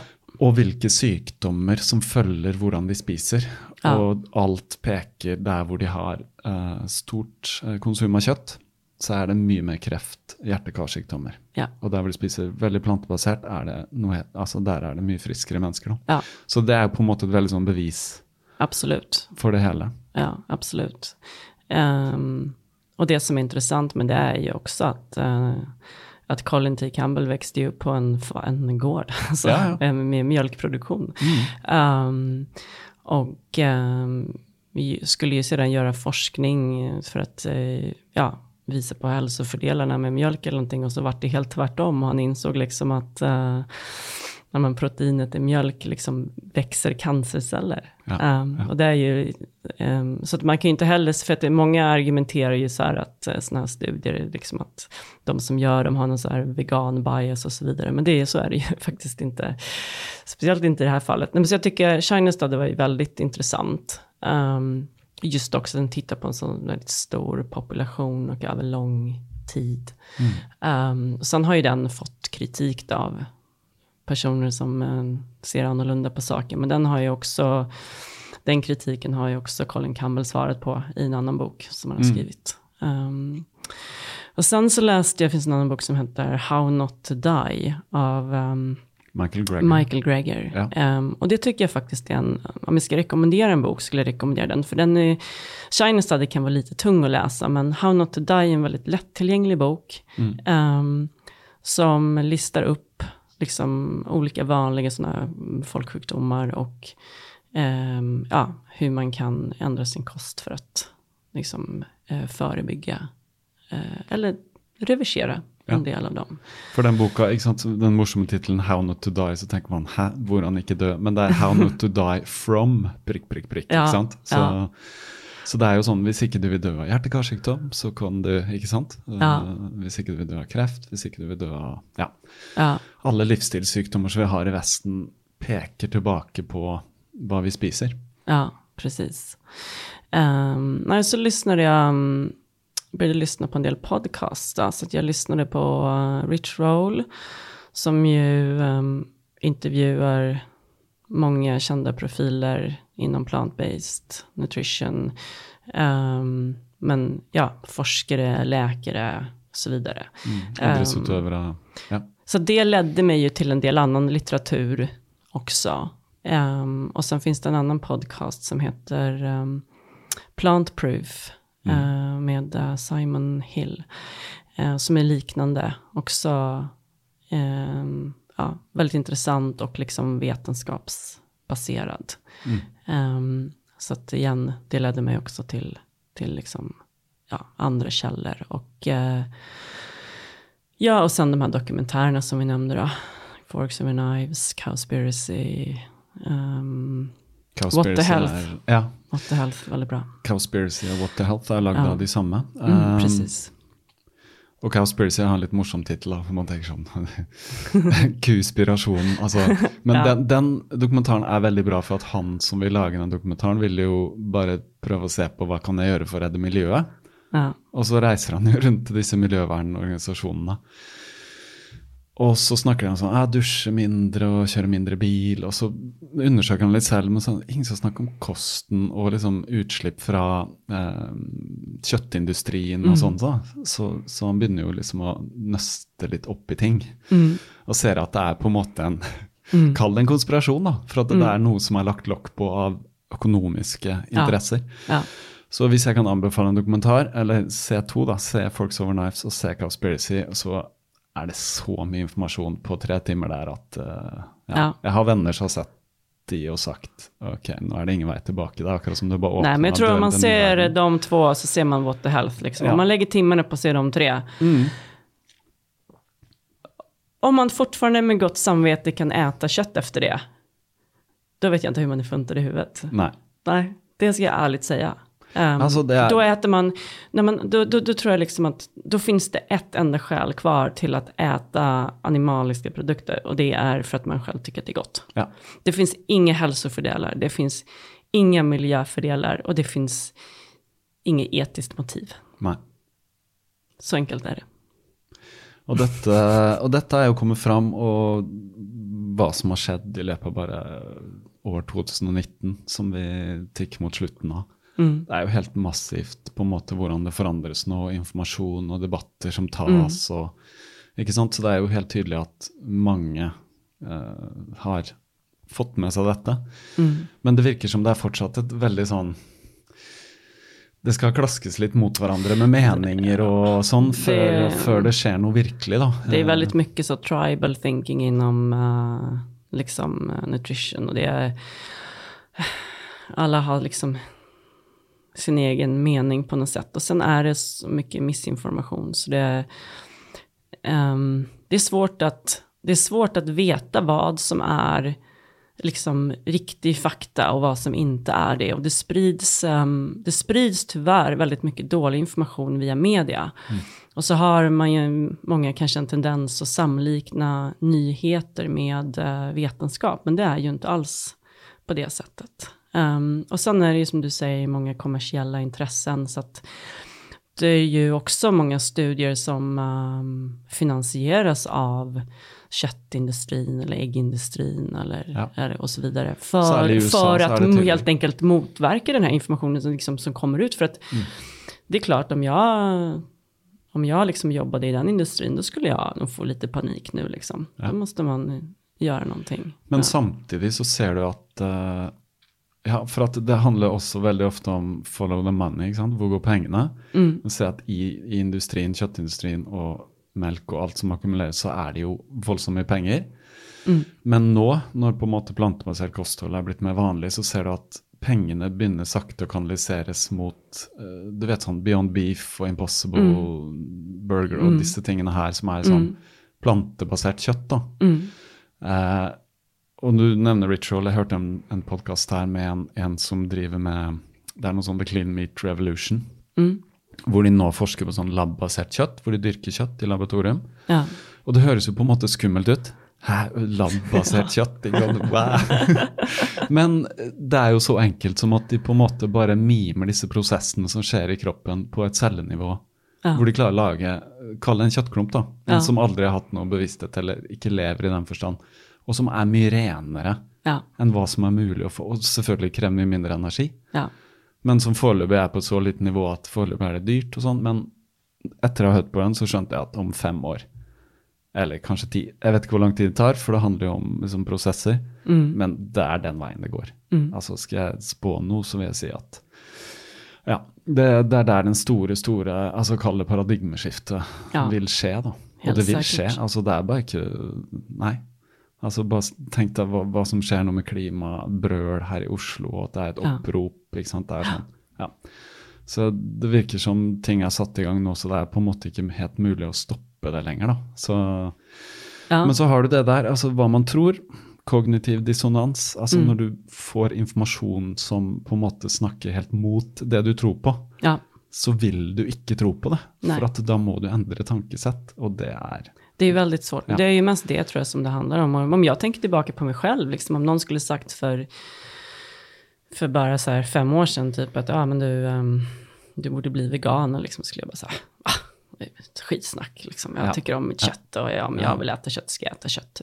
så liksom, Ja, det, det er min rett å Um, kjøtt. ja, ikke sant? ja, For at precis. det er et personlig valg. Ja, ehm, så att ehm, det, det är just det här med, ehm, ja, det, det handlar inte så mycket tror jag om att äta kött eller inte äta kött. Det handlar om hur komfortabel man är med, med förändring. Ja. Ehm, det, det tror jag.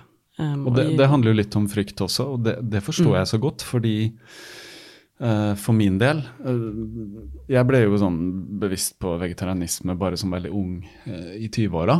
og tok altså det valget av etiske årsaker og politiske, da. Og tenkte at det må få det til å funke, og det har funka med liksom Man kunne spise litt fisk innimellom hvis man var hjemme hos foreldrene eller på restaurant, eller sånn, men eh, på et eller annet punkt så begynte jeg å tenke skal jeg prøve å kutte ut ost og egg og sånn? Og da ble jeg redd. Altså det var sånn, Hva skjer hvis jeg ikke spiser ost lenger? Ja. Er det mulig, liksom? For at um, det er så innarbeida i og Det Ja. er jo så godt, ikke sant, at man blir sånn. Men det er på en måte litt sånn du, du tar et liv på faith og håper at det går bra, og så plutselig Ja. så er du Oi. Ja. Det er jo ingen forskjell, liksom. Altså, og så savner du det ikke, og så Ja. Nei. Så det er, det er ikke et vanskelig valg, egentlig, men det er det å gjøre det, da, som er Det er skummelt. Ja, det, det är det. Det är det. Och så är det ju en, eh, det är en, kultur, det är en kulturfråga också. Och sen så kan det vara, mm, kan ju vara liksom lättare att göra det om man kanske bara har sig själv att, att svara till. eh, Men om man har familj, eh, om man inte har support ifrån sin partner, så kanske man tänker på barnen. Och Då kan det vara mm, säkert mycket svårare. Och vi har också lite tid, liksom att där man, man, man orkar inte hålla på och laga flera olika middagar eller, eller sådär. Så att då, mm, att, att, att liksom kanske, man kanske vill själv, men hur får man med sig hela familjen till exempel. Så det kan vara ett, absolut vara ett, ett stort steg att, att ta. Och, och jag, mm, ehm, ja, jag tycker också faktiskt, nu vet jag inte, nu bor jag bor i Trysil, så jag bor i en ganska liten stad, då, men eh, det är dåligt utbud på, på veganmat kan man säga, Ja. tycker jag då, som är Ja. van vid någonting helt annat, liksom, om man kommer från England, eller bara om jag åker över till Sverige, jag ju familj i Stockholm, liksom, och helt, eh, ett helt annat utbud. Men då kan man säga, liksom, ja men vadå, det är väl bara grönsaker. Och ja visst, liksom, bönor, linser, grönsaker, men det är kul om man kan, jag gillar tofu till exempel, tycker Ja. det är kul. Men det här går inte att köpa, kanske går i Oslo, men i Trysil går det inte att köpa tofu till exempel. Men kan du Um, spørre dem, kan dere ta en tofu, og så må du liksom Jeg må sjekke liksom innkjøpslista mi og Ja, nej, men jag kanske kan, eh, kanske kan höra mer, men vet du att om man frågar på tofu på supermarknaden så vet de inte ens vad det är liksom. Nej, nej. Eller du går på ett café och säger, ja, ah, jag skulle vilja ha en vegansallad. Mm. Ja, vi har den här med ost och skinka. Alltså de vet inte ens vad vegan Nej, är för någonting. Det är som en helt annan värld. Um, så det behövs lite, um, ja, det, be, det, det behövs lite mer upplysning, tror Ja, jag. det, det gjør det. Og som du nevnte, du nevnte England og Sverige. Og det er jo rart å se. I Sverige så er man jo Man har liksom egne produkt, sånn lineups, da. Med liksom veggisburgere, veggispølser, alt mulig sånn farse. Sånn. Eh, mens i Norge er vi liksom Men det har skjedd mye her òg. Jeg ser jo i butikken jeg går, og så plutselig kommer Hoff med veggisburger, og så kommer liksom de forskjellige, da. Så, Det kanske kommer lite mer, men sen är ju Norge är ju också lite mer så här protektionistiskt när det gäller mat och import av mat. Så det är ju lite mindre influenser Mm. eh, utifrån i Norge än vad det är i Europa. Ehm, tycker jag i alla fall. Ja, nei, men Ja, det, det- det er det men, egne øyne ja. også, hvis jeg er ute og reiser. Ehm, så att eh, därför kanske det också tar lite längre tid att om någonting ska komma i Norge så kommer det liksom i, det kommer inifrån liksom. Så att eh, jag har väl så lekt lite med tanken att man kanske skulle utveckla någon, någon vegansk produkt, eh, produktlinje, ja, Ja. eller någonting. Men eh, vi får se. Men eh, du vil gi noen noen tips som tenker at de er litt åpne for dette, eh, hva, hva på en måte eh, hva er, For at eh, som med veldig mye så tenker jeg noen, sånn som deg, kan gå liksom over natten, ikke sant, og bare cold turkey, cold cucumber. Mens andre, naturlig nok som mennesker, trenger å bare ta et skritt av gangen. da, Og det har jeg veldig tro på. altså, mm, Jeg ser med mye ting meg selv, jeg er jo konservativ på mange ting. Hva vil du si er liksom ett skritt å ta som, som gjør det enklere da, å spise mindre kjøtt, eller bare kunne ta del i hva skal jeg si, plantebasert kosthold? Da? Ja, alltså först så tror jag ju att det är bra att, ehm, att, eh, att, att kanske informera sig lite grann om hur man gör det på ett bra sätt så att man äter det som man behöver. Så att det inte blir så att man bara äter liksom lite frukt och några salladsblad. Liksom. Ehm, så det är väl ganska viktigt. Och ehm, det finns ju i alla fall väldigt mycket bra resurser på engelska. Som vi pratade om, liksom olika podcast som Rich Roll och Plantproof tycker jag är jättebra, väldigt liksom, informativ och enkel och praktisk. Liksom. Eller att man läser en bok som den här How Not To Die, kanske får lite idéer. Um, och, um, och sen då om man ska göra den här uh, förändringen då, då är det ju alltså, att man försöker ta ett steg i taget. Säg kanske att man säger så här, okej, okay, ska ha liksom meat free Monday. Mm. Man börjar med det. Det är ett koncept, det är till och med en webbsida tror jag. Ja, du kan söka. det är ju liksom, jag tror en dag i veckan, det, det kan man klara liksom. Eller kanske ännu bättre om man kan byta, säga att man byter ut en måltid. Så att man säger okej, okay, um, jag ska byta ut min frukost. Mm. Okej, okay, då tittar man på, okej, okay, vad är det jag äter i min frukost som är animaliskt och vad är det som jag kan, då kan byta ut mm. till någonting annat. Um, så det kan ju vara så väldigt enkelt så att om man äter till exempel gröt eller müsli med mjölk så byter man bara mjölken mot till exempel mandelmjölk eller sojamjölk eller havremjölk. Det är superenkelt.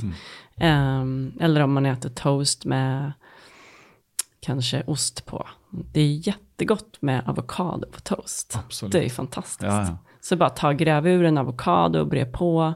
Mm. Uh, sprinkla på lite salt. Tomat. Det är guld liksom. Ja, kämpegott. Um, så att, uh, eller hummus är en annan bra grej. Nu är mm. också hummus en sån här sak som jag alltid gör själv, för jag hittar ingen bra hummus i uh, matbutiken här. Jag lagar den själv i foodprocessorn och det är enkelt. Ja. Det är egentligen bara att ta grunduppskriften är ju bara kikärtor, olja, tahini, Uh, litt krydder, uh, spisskummin og sånn, og sitron. Ja. Og så bare Og hvitløk. Ja, hvitløk. Masse hvitløk. Masse hvitløk. Rå hvitløk, sånn. Ja. Jeg, jeg, lager det hjemme, og datteren min elsker det. Hvis jeg ikke har fått lagd det og bare kjøpt igjen i butikken, det vil hun ikke ha. Nei. Og jeg har prøvd mange forskjellige. Du Ja. må ha den jeg lager. Men det handler jo selvfølgelig om vane. Men Ja. det den såpass blir, enkelt. da. blir mycket bättre när man gör den själv. Och så Mm. um, um, hummus man köper i butiken ofta, de, jag tycker de har för mycket olja i och inte så bra oljor. Så att, uh, jag föredrar att göra den själv. Ja. Men, uh, men nej, så det, det, just frukost tror jag kan vara en sån måltid som är ganska enkel. ehm, faktiskt. Ja. Att göra till uh, plantbaserad. Mm. Mm. Og samme med egentlig sånn uh, F.eks. middager, da. Så tenker vi altså sånn Tradisjonelt sånn jeg vokste opp, så var det liksom poteter, eh, kjøtt med saus, og så Mm. bitte litt grønnsaker. Så man Mm. er vant til å se på sånn de separate tingene. Ja. Men når vi ser som mat eh, i den store verden, da, indisk eller asiatisk, altså thaimat og sånt, så er det veldig ofte gryter hvor de blander masse ting inn. Og det er det som har gjort at jeg eh, altså lett kan spise plantebasert. Mm. For det er så mange ting man kan blande i, og så mye forskjellige krydder.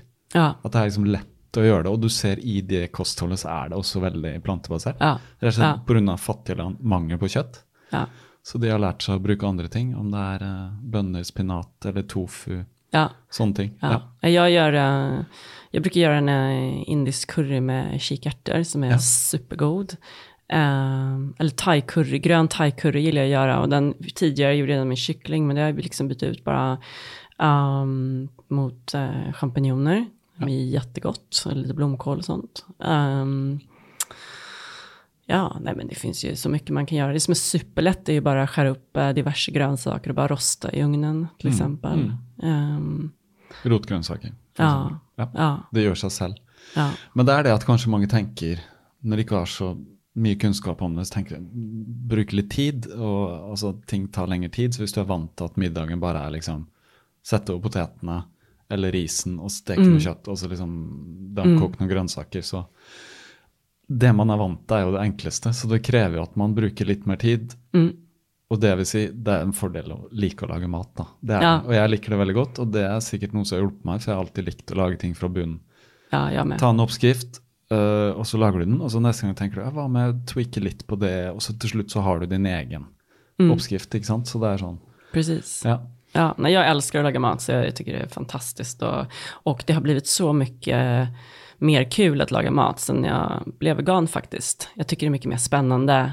Det känns som att jag kan göra väldigt mycket mer med, med smaker och ingredienser. Och, ehm, och lite utmaning också då, för att vi har ju Eh, Sondre, min man, då, han har ju eh, två barn som vi har emellanåt, som är, fyller 14 snart. Och, och ja, att få, få barn i den åldern och äta grönsaker är en liten utmaning. Um, så det är också kul, uh, tycker jag, att, att liksom experimentera med mat och, och anstränga mig lite och, och laga saker som, som, är, ja, som, som gör att de lär sig att det är gott att äta grönsaker helt enkelt. Mm.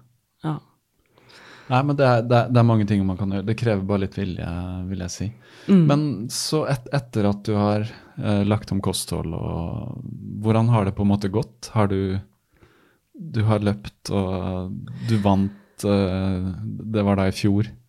Ja, jag, jag vann det där loppet och sen så, eh, ja, alltså jag har känt mig, jag har känt mig bra. Jag, det har gått lite upp och ner därför att jag tror Eh, det som jag, det som den här läkaren då i England diagnostiserade mig med, som väl är liksom, det är lite svårt att sätta en etikett på vad man har, men hon menar ju på det att jag hade så här adrenal fatigue då. Mm. Um, och um, det är ju på något sätt så att när man får sån här trötthet så det tar lång tid att komma tillbaka från det. Det är inte någonting mm. som bara så här, det är inte så att man tar en penicillinkur och så bara poff är det borta liksom. Mm. Utan jag måste passa på mig själv lite mer nu. Jag måste um, se till att jag stressar mindre, att jag sover ordentligt, att jag äter bra. Uh, och att jag helt enkelt tar hand om mig själv. För att jag vet att om jag inte gör det så, så blir jag trött fort. Eller liksom att jag blir mm. sliten fort och så. Så att um, det får jag passa lite på. Um, men, uh, men jag känner mig väldigt bra, måste jag säga. Mm. Det gör jag. Du ser mm. väldigt bra ut då. Ja, tack.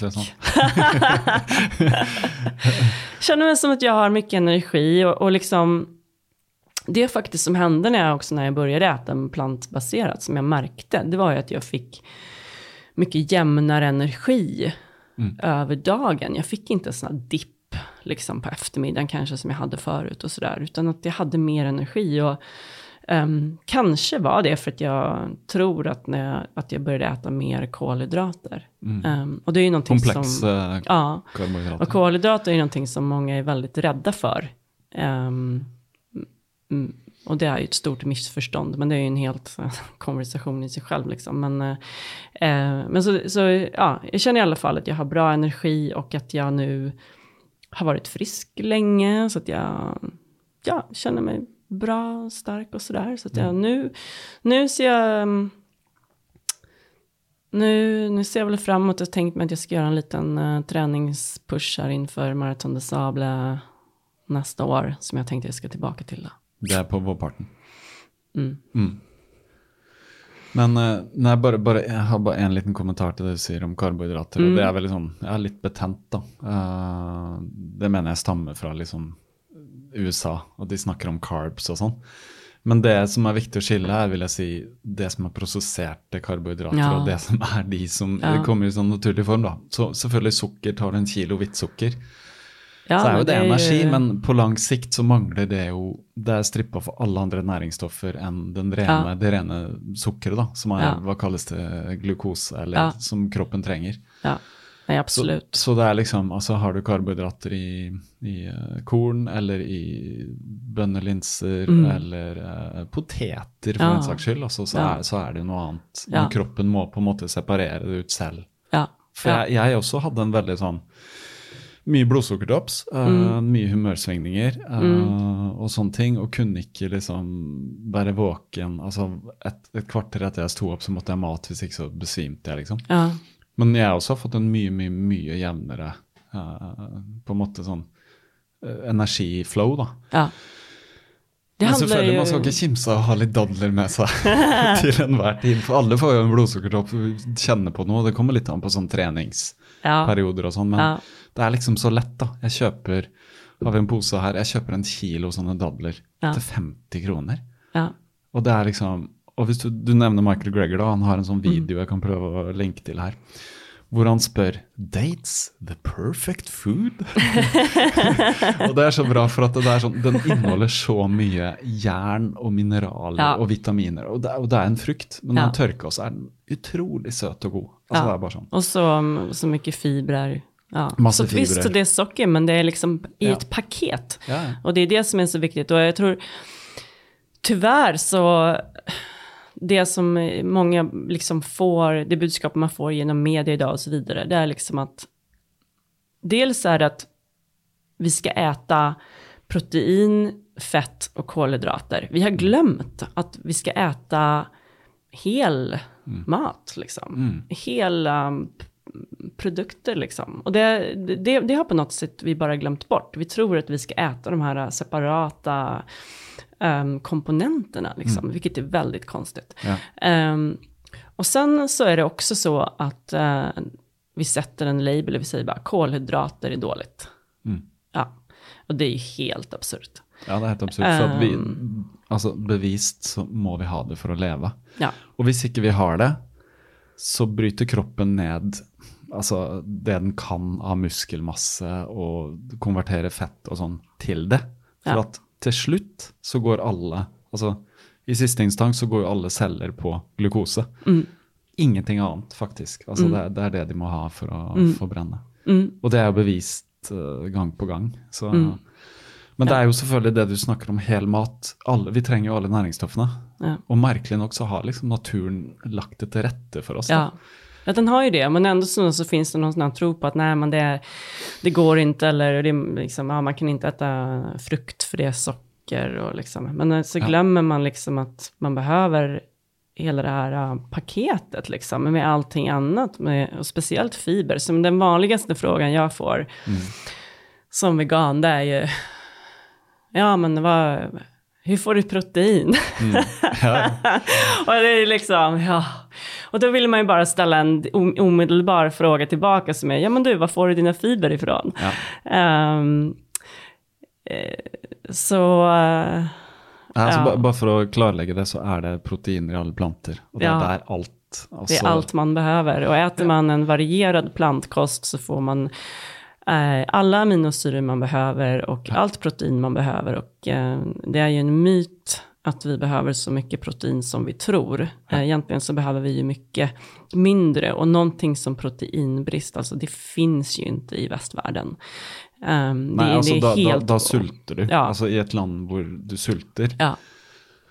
så handler det om det. Men møter du kaloribehovet ditt gjennom plantebasert fullverdig kosthold, så får du nok Ja. protein. Og, Ja.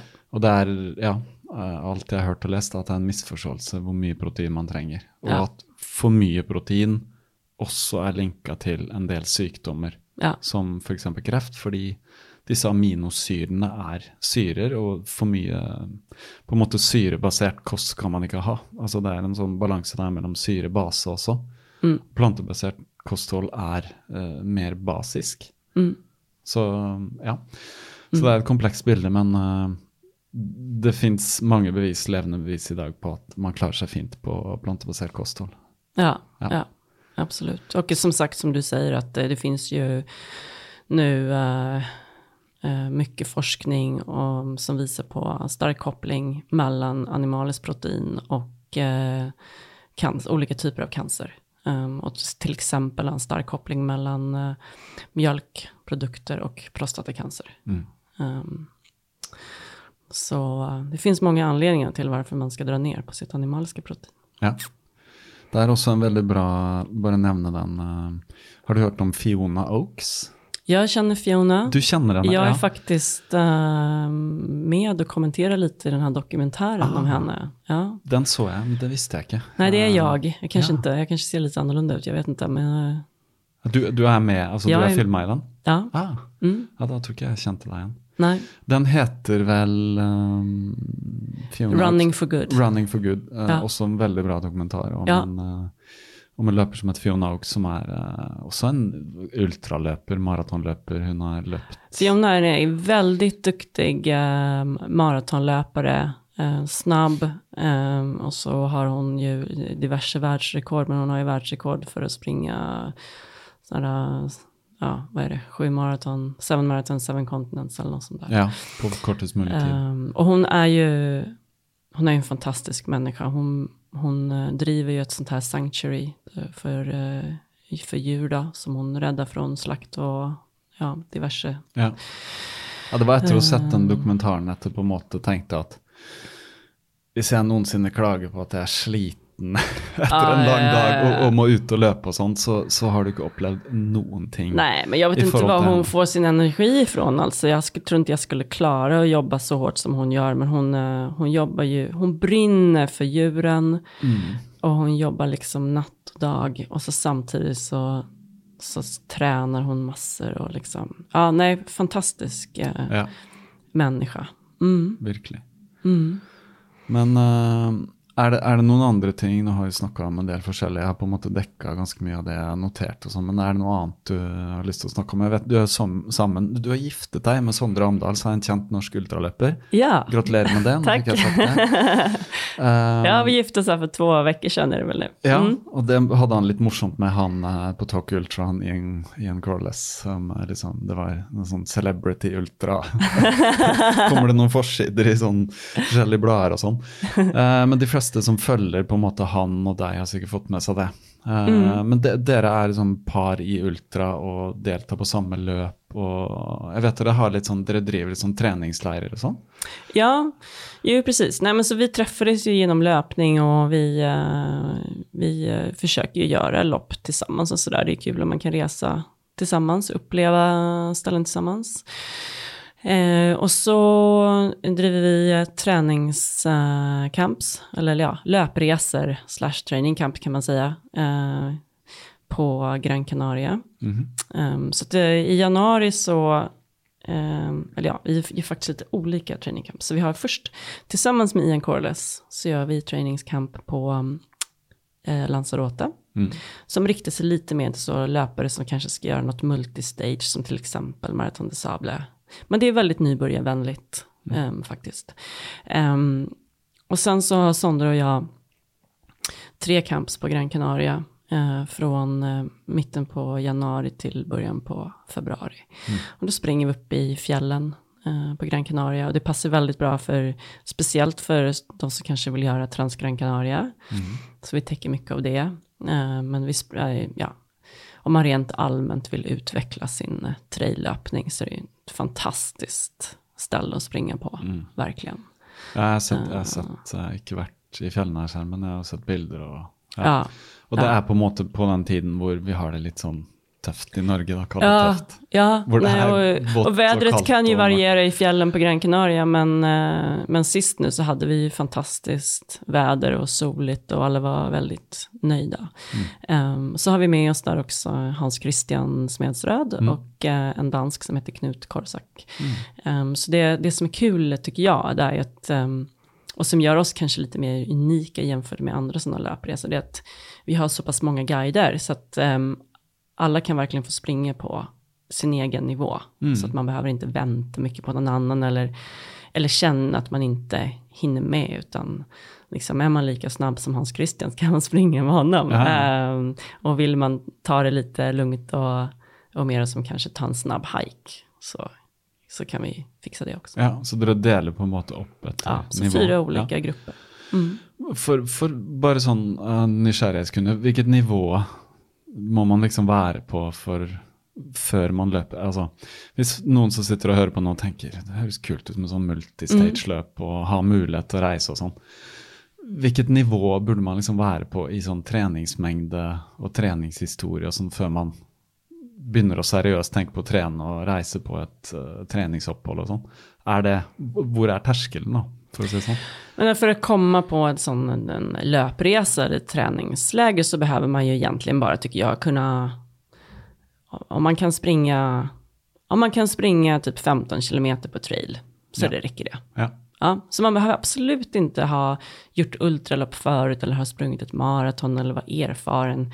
Ehm, men, men om man inte orkar längre än fem kilometer, då tror jag att det blir lite jobbigt. Ja. Ehm, och så blir det jobbigt lite för oss också, att liksom se till att alla har det bra och hänger med. Men, eh, men ehm, ja, kan man säga man kan sp- springa 15 kilometer, det behöver inte gå fort alls. Det är absolut inte.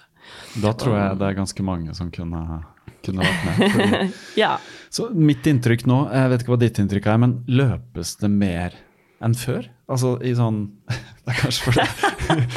altså, jeg vet vi har alltid løpt, og det er alltid sånn leser historie og sånn, men eh, det virker jo som det er en veldig interesse for løping og en veldig sånn nysgjerrighet. og liksom Terskelen for å løpe et maraton er ikke så høy som det var.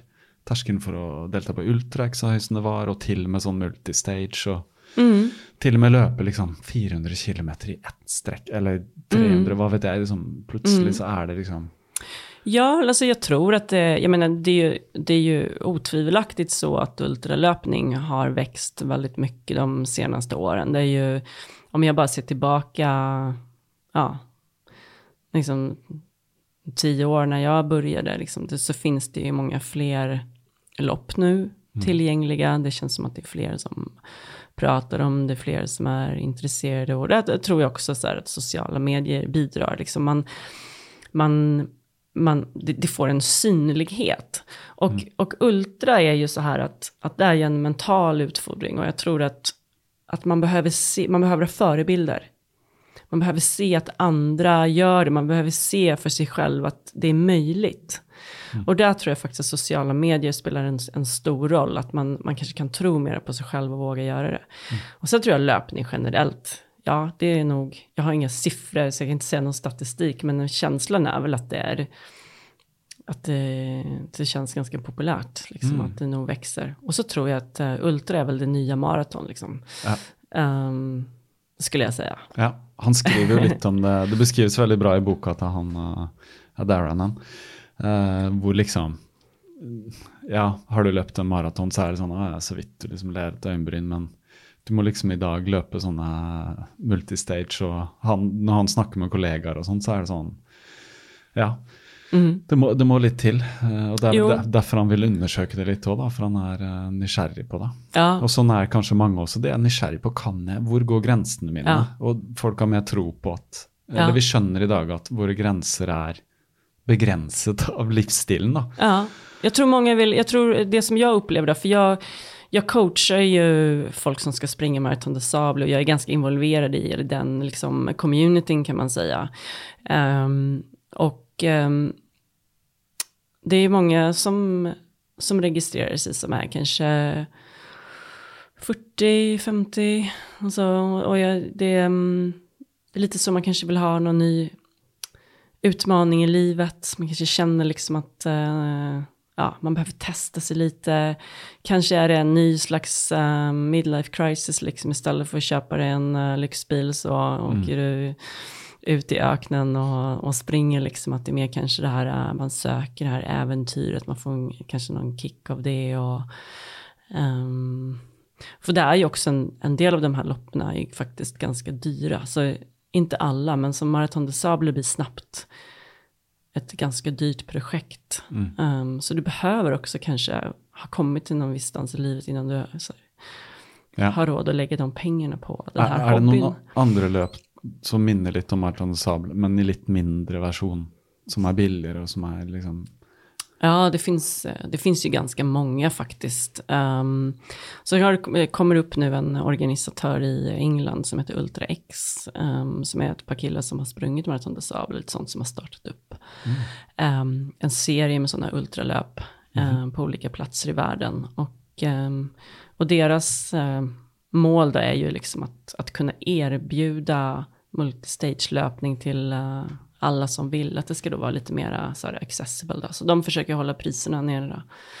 Um, Sen så, då krävs det ju att man får in sponsorer och sådär, för att man har ju ändå ganska höga kostnader för sådana här lopp. Så att, ja. Det finns väl olika kanske business models då, som kan, som kan fungera. Ehm, Ja. Men det jag skulle säga, om man tittar på ett lopp då, om man säger så här att om folk nu lyssnar på det här och säger, ja vad kul, jag blir lite nyfiken, nu vill jag kanske ta mig an ett sånt här multistage-lopp. Um, det som jag tycker är kanske värt att titta på, det är ju liksom, är det ett helt nytt lopp eller har det gått tidigare? Vad liksom, finns det för feedback från någon som sprang förut? Um, hur är säkerheten under loppet? Vart går det någonstans? Därför att Um, I de flesta här loppen så springer man i extrema miljöer. Mm. Så jag tycker att det är viktigt med, eh, med säkerhet. Mm. Liksom. Saker kan hända. Det, det, det finns eh, liksom wildlife och ja, väder. Ja, man kan och, fall- eh, falla. Ja, Ja, man kan, ja. Så, att, ehm, eh, så det som jag gör till exempel är att ifall, in, ifall loppet inte um, tillhandahåller till exempel en GPS-tracker eh, och jag vet att jag ska ut och kanske springa mycket ensam och att det, ska, att det är en ganska ja, remote så plats. Då tar jag själv med mig till exempel min, jag har en sån Garmin InReach eh, GPS-tracker med SOS-knapp på. Då tar jag med den för att då vet jag i alla fall att om någonting händer så kan jag i alla fall se efter mig själv till exempel. Ehm, men än så länge så har jag inte sprungit något lopp som jag känt har varit liksom, eh, liksom dåligt organiserat sådär. Men eh, det finns, ja, Ja. mer, mer eller mindre säkerhetstänkande och så vidare. Och det är ändå en ganska viktig del, man ska inte ignorera det. Så det kan være lurt slett se på noen løp som har på måte pågått en stund, som Ja, virker som er godt organisert. ja. Ja. Och därför tycker jag faktiskt att Marathon des Sables är ett bra sånt eh, entry Ja. entry till uh, multistage-löpning. Och, och, och folk kanske tycker det låter helt bisarrt, liksom, att det skulle vara ett bra nybörjarlopp. Men det är faktiskt det. Mm. Nei, men det, jeg får nesten lyst selv. Ja, ja. Du kanske kan få en eh, få media-entry, vet du. kanske kan få lite Ja, kan man få medieentry som løper òg?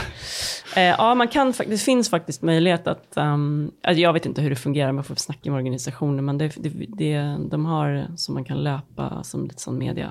Ja. Ja. Ja. Mm. Jeg tror Foreløpig så er maraton for min del, men altså jeg må innrømme at også i bakhodet sted så var det gøy å eh, Jeg vet ikke om multistage, men å løpe lenger enn maraton. Jeg har aldri Ja. løpt lenger enn maraton, og jeg har løpt ett maraton. Ja. Nå trener jeg til et nytt, så det er sånn, akkurat nå handler det bare om å begynne å pushe. Jeg har ikke løpt over 20 km på ganske lenge, så Nei. det gjorde jeg i går. liksom Bare å komme dit. Så Ja. det må være realistisk, eh, selvfølgelig. Ja. ja. Så akkurat nå så er det Men jeg ser jo det, altså. Man kan jo Altså, det, hvor går grensene, liksom? Ja, nej, det där är ju intressant för att jag, jag upplever ju, det som jag har upplevt med Ultra det är att det har verkligen hjälpt mig att, um, kan man säga, pusha mina sådana mentala barriärer. Jag tror man själv sätter, sätter upp sådana. Ehm, så när jag tränade för mitt första maraton, då tänkte jag shit, ett maraton, hur ska jag kunna springa det liksom? Så sprang jag det, så gick det bra. Ja, då vet jag, ja, men jag kan springa ett maraton. Och sen när jag skulle börja springa ultra, det var det så här, oj, okej, hur, ska, hur, liksom, hur, gör jag, hur gör man ens det liksom? Och då sprang jag 50k. Och då hade jag gjort ett ultra, det var så här, ja, men nu är jag ultralöpare, nu har jag sprungit 50k. Men var, var det på en treningstur hvor du bare testa det her? Nej, det var då Lidingö Ultra som var Ja, mitt ja, första ja. 50k. Ja. Ja, och, sen så då, och då efter det så vågade jag då registrera mig för ett 50 mile lopp, då, alltså 80, vad blir det, 82 kilometer. Mm. Ja. Ehm, och, så, och så gjorde jag det. Och efter det så då vågade jag satsa på 100 Mm. kilometer. Så då gjorde jag det. Ehm, och, men, men, och, och, och sen då till som det här som jag sa att jag har sprungit det här um, Grand Union Canal då, som är 235 kilometer nonstop. Liksom. Det är ju inte så att man går ifrån noll till det. Nej. Det är ju en process. Men just i den processen så, så bara utvidgar man sin comfort zone och, och, och liksom tar bort de här barriärerna. Och det som är så intressant med löpning är att det är så, um, eh, vad säger man, tangible. Liksom. Ehm, att, att, att, att det är så tydligt, liksom, just att man gör de här loppen. Det, man får väldigt tydlig feedback. Men jag tror att man kan ta den lärdomen och liksom, ehm, att, att applicera det på andra saker i livet. Ehm, och att om man, man kan använda det man lär sig från löpningen till att kanske bli lite modigare och starkare på andra saker. Och, ehm, jag tror att det har hjälpt mig. Jag menar, det, är, det är inte så mycket nu som jag inte, som jag inte vågar göra. Jag, är ganska, jag känner mig ju ganska, här, ganska bra självförtroende och tycker det är kul att pröva nya saker. Och, Men det er det at man får jo, når du selv, selvfortroende, eh, selvtillit, man får jo selvtillit av å mestre Altså, det kan være på et nivå hvor en er overvektig og bare løper sitt første 10 km-løp. Ja. eller et halvmaraton, eller noe sånt. Altså bare at man kan klare det og skjønne at liksom, man er ikke begrenset av omstendighetene. Så det Nei. er vel på forskjellige nivåer, og som du sier, det tror jeg også på, at det er overførbart, det du kan Ja. gjøre fysisk i et løp til andre plasser i livet, om Ja. det handler om å gå ut av jobben din og starte noe annet som du vil, eller Ja. flytte utenlands med familien, eller liksom Ja, Ja. ikke? Det kan være så mye, da. Absolut. Og din historie også tyder på det at det liksom Ja. Mm. Jeg har hørt mange sånne historier, og podkaster er jo ofte med på å bringe sånne historier ut i verden. Ja. Av mennesker som har eh, Ja. Ja. Og det er veldig inspirerende. Eh, Ja. Sånn sett så lever vi i en fantastisk kultur hvor vi ser at alt er mulig. og man får veldig tro på menneskeheten, sånn sett. Ja. Eh, Oppi, oppi veldig mye dårlige nyheter òg, så må vi bare tro på at vi kan forandre oss. For det er på en måte eneste måten å overleve på lang sikt, er jo å forandre seg. Ja. ja. Ja. Nej, och jag nu, nu liksom så, jag tror, eh, ja. Jag tänker lite så här, ja men, vad är det värsta som kan hända? Alltså, vad är det värsta som kan hända? Så det, det är så liksom, så om man vill pröva någonting som man är lite osäker på eller som man inte har gjort förut. Om man tänker på det, vad är det värsta som kan hända? Ja, så är det förmodligen inte så farligt. Liksom. Nej. Man måste våga misslyckas också. Ehm, ja, det er det. man kan inte lyckas med allt, man måste våga misslyckas. Och det tror jag är, ja, Ja. det är viktigt. Ja, for det er, eh, det er så enkelt som at livet består ikke bare av seire. Det er også nederlag Ja, på veien. ja, Og det må vi bare akseptere. ja, Men det er litt sånn tøft i sosial mediekultur, da. Eh, For det ser ut som alle går fra liksom De man følger på sosiale medier som er store, da, er jo på en måte de Kanskje har de klart å liksom ride på en bølge og sånn, men alle er mennesker, og vi har opp- og nedturer. mm, Eh, I din historie så er det allerede mange, og for alle, alle som hører på, vil jo kjenne seg igjen i det. Så, Mm. så det handler jo om litt sånn å bounce tilbake òg. Mm. og skjønne at etter et nederlag så er det jo ikke ja, Det åpner gjerne en ny dør igjen, eh, Ja. i en annen retning. ja, Ja. ja visst. Nej men liksom, jag har ju inte, är liksom, inte allting jag har tagit mig för som har gått eh, fantastiskt liksom. Så, då, så är det ju. Men eh, det är ju helt okej. Ja, det er en læreprosess. Men kanskje vi skal si at med det så er vi, eh, er vi litt klokere i dag. Eh, Er det, Ja. no, er det noe jeg har eh, glemt å spørre om? Eller noe du kommer på nå som eh, Jeg husker midtveis i samtalen så sa du det kan vi snakke om seinere, men det husker Ja jeg ikke. just det, vad var det? Nej men det var, när, det, just det, det var om Sondre och, Sondre och mig och när vi sprang Kungsleden och så vidare. Ja, Ja. Det är nästan en historia i sig själv. Så jag vet Ja. inte. Ja, ja. Men du er i hvert fall eh, Du reiser tilbake til Trysil eh, nå, og kan Ja. løpe litt eh, der oppe og gå litt. Og er det flott, flott natur og fint? Mm. Ja. Ja. det är väldigt vackert faktiskt där. Ja. Så det är, det är kul, och, kul att ha bytt eh, asfalten i eh, förorten till London till eh, Ja. stigarna i Trysil. Det tycker jag är kul. Får, får du et savn etter London og liksom the hustle and bustle? Eller?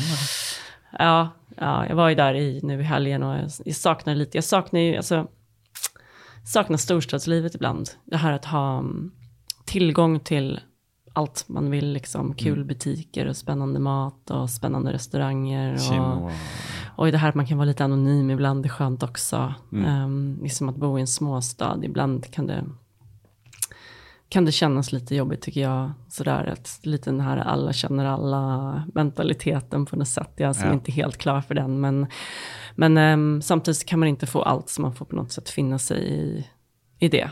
Ta det bra med dåliga. Men, men det som är bra med Trysil är att ehm, jag känner mig väldigt ehm, så lugn, lugn där. Det är väldigt tyst och skönt och ett ställe där man inte behöver stressa. Ehm, och det tror jag är väldigt bra för kroppen då. Ehm, faktiskt. Och sen är det ju trevligt att ha ja, skidspåren 50 meter från huset och nära till backen och stigar att springa på och så vidare. Så att, Får du gå på ski om vinteren? eller? Mm. Ja. mm, Det er vel en del av treningen? mm. Ja.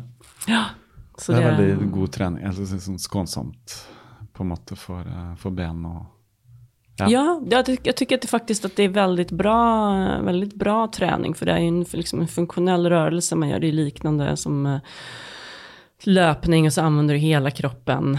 Ehm, Så, men det är teknikmässigt så här en utmaning. Jag har inte gjort det på länge, jag har inte gjort det sedan jag var liten. Så att, eh, jag håller på, det är lite som att så här, ja, kanske inte direkt lära sig på nytt, men jag har en del att, en Ja. del att ta igen. Ja. Det er en del teknikker. Ja. Det det. Men det, det kommer. Hvis man vil eh, følge litt med hva du gjør, så har du jo en eh, Instagram. Ja, Elisabeth Barnes. eh, att Elisabeth Barnes, Ja. eh, eh, eller Barnes för, för norrmännen.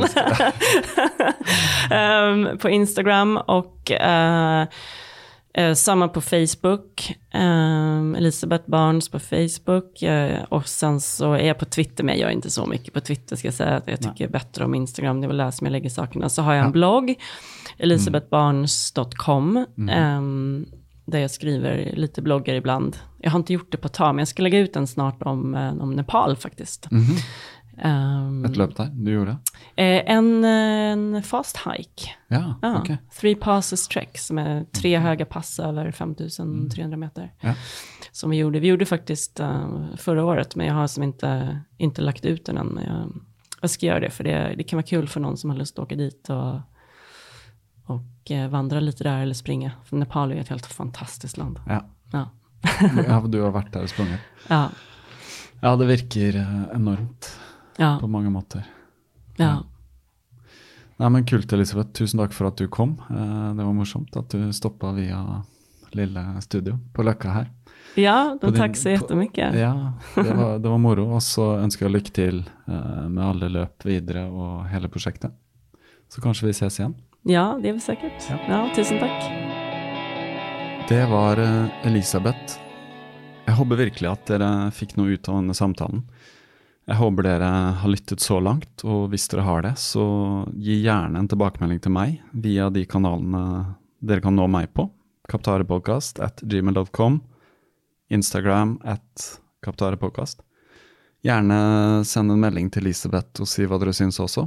Elisabeth Barnes på Jeg legger link til den i eh, notatene til podkasten. Og når det er sagt, notatene til podkasten denne gang er full av linker. Blant annet veldig mange av de har Elisabeth sendt til meg på mail, mail og jeg er glad for å kunne dele de. Hun, eh, som nevnt, er jo sammen med Sondre Amdal, som er en norsk ultraløper. Det som var litt morsomt den dagen Elisabeth var her i studio, var at eh, Sondre Amdal var i studio eh, til NRK P2 og spilte inn et eh, program som heter Drivkraft. Det kan jeg legge en link til. Jeg har i snakkende stund ikke hørt det selv, men eh, jeg legger en link til det. For dere som har lyst til å lytte mer til han. Uh, jeg skal ikke si så mye mer nå enn at uh, dette har vært uh, en fantastisk reise foreløpig i de 25 episodene. Og for at jeg skal kunne fortsette, så eh, setter jeg enorm pris på dere som tegner opp på Patron og støtter podkasten med en kopp kaffe i måneden. Jeg eh, brygger min egen kaffe hjemme og prøver å spare penger på å kjøpe den ute. Men alle penger som kommer inn via Patreon går rett tilbake til podkasten. Det frigjør tid for meg til å drive research, til å kontakte potensielle gjester, til å få det hit til studio, og til å drive og spille inn og klippe lyd og klippe video som jeg lager, og dele bilder og alt. Tusen takk. Jag sätter enorm pris på det. Här kommer Sondre Lerche sin Lille snutt. Tack för idag.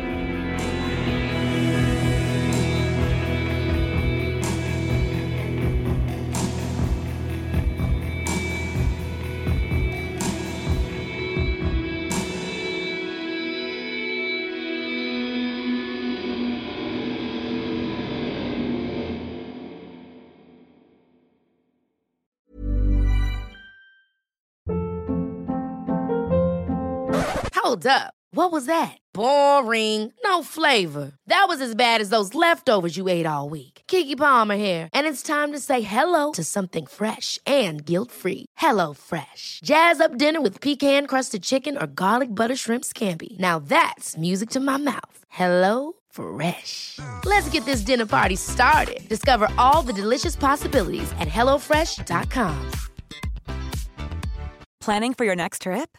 Elevate your travel style with Quince. Quince has all the jet setting essentials you'll want for your next getaway, like European linen, premium luggage options, buttery soft Italian leather bags, and so much more. And is all priced at 50 to 80% less than similar brands. Plus, Quince only works with factories that use safe and ethical manufacturing practices.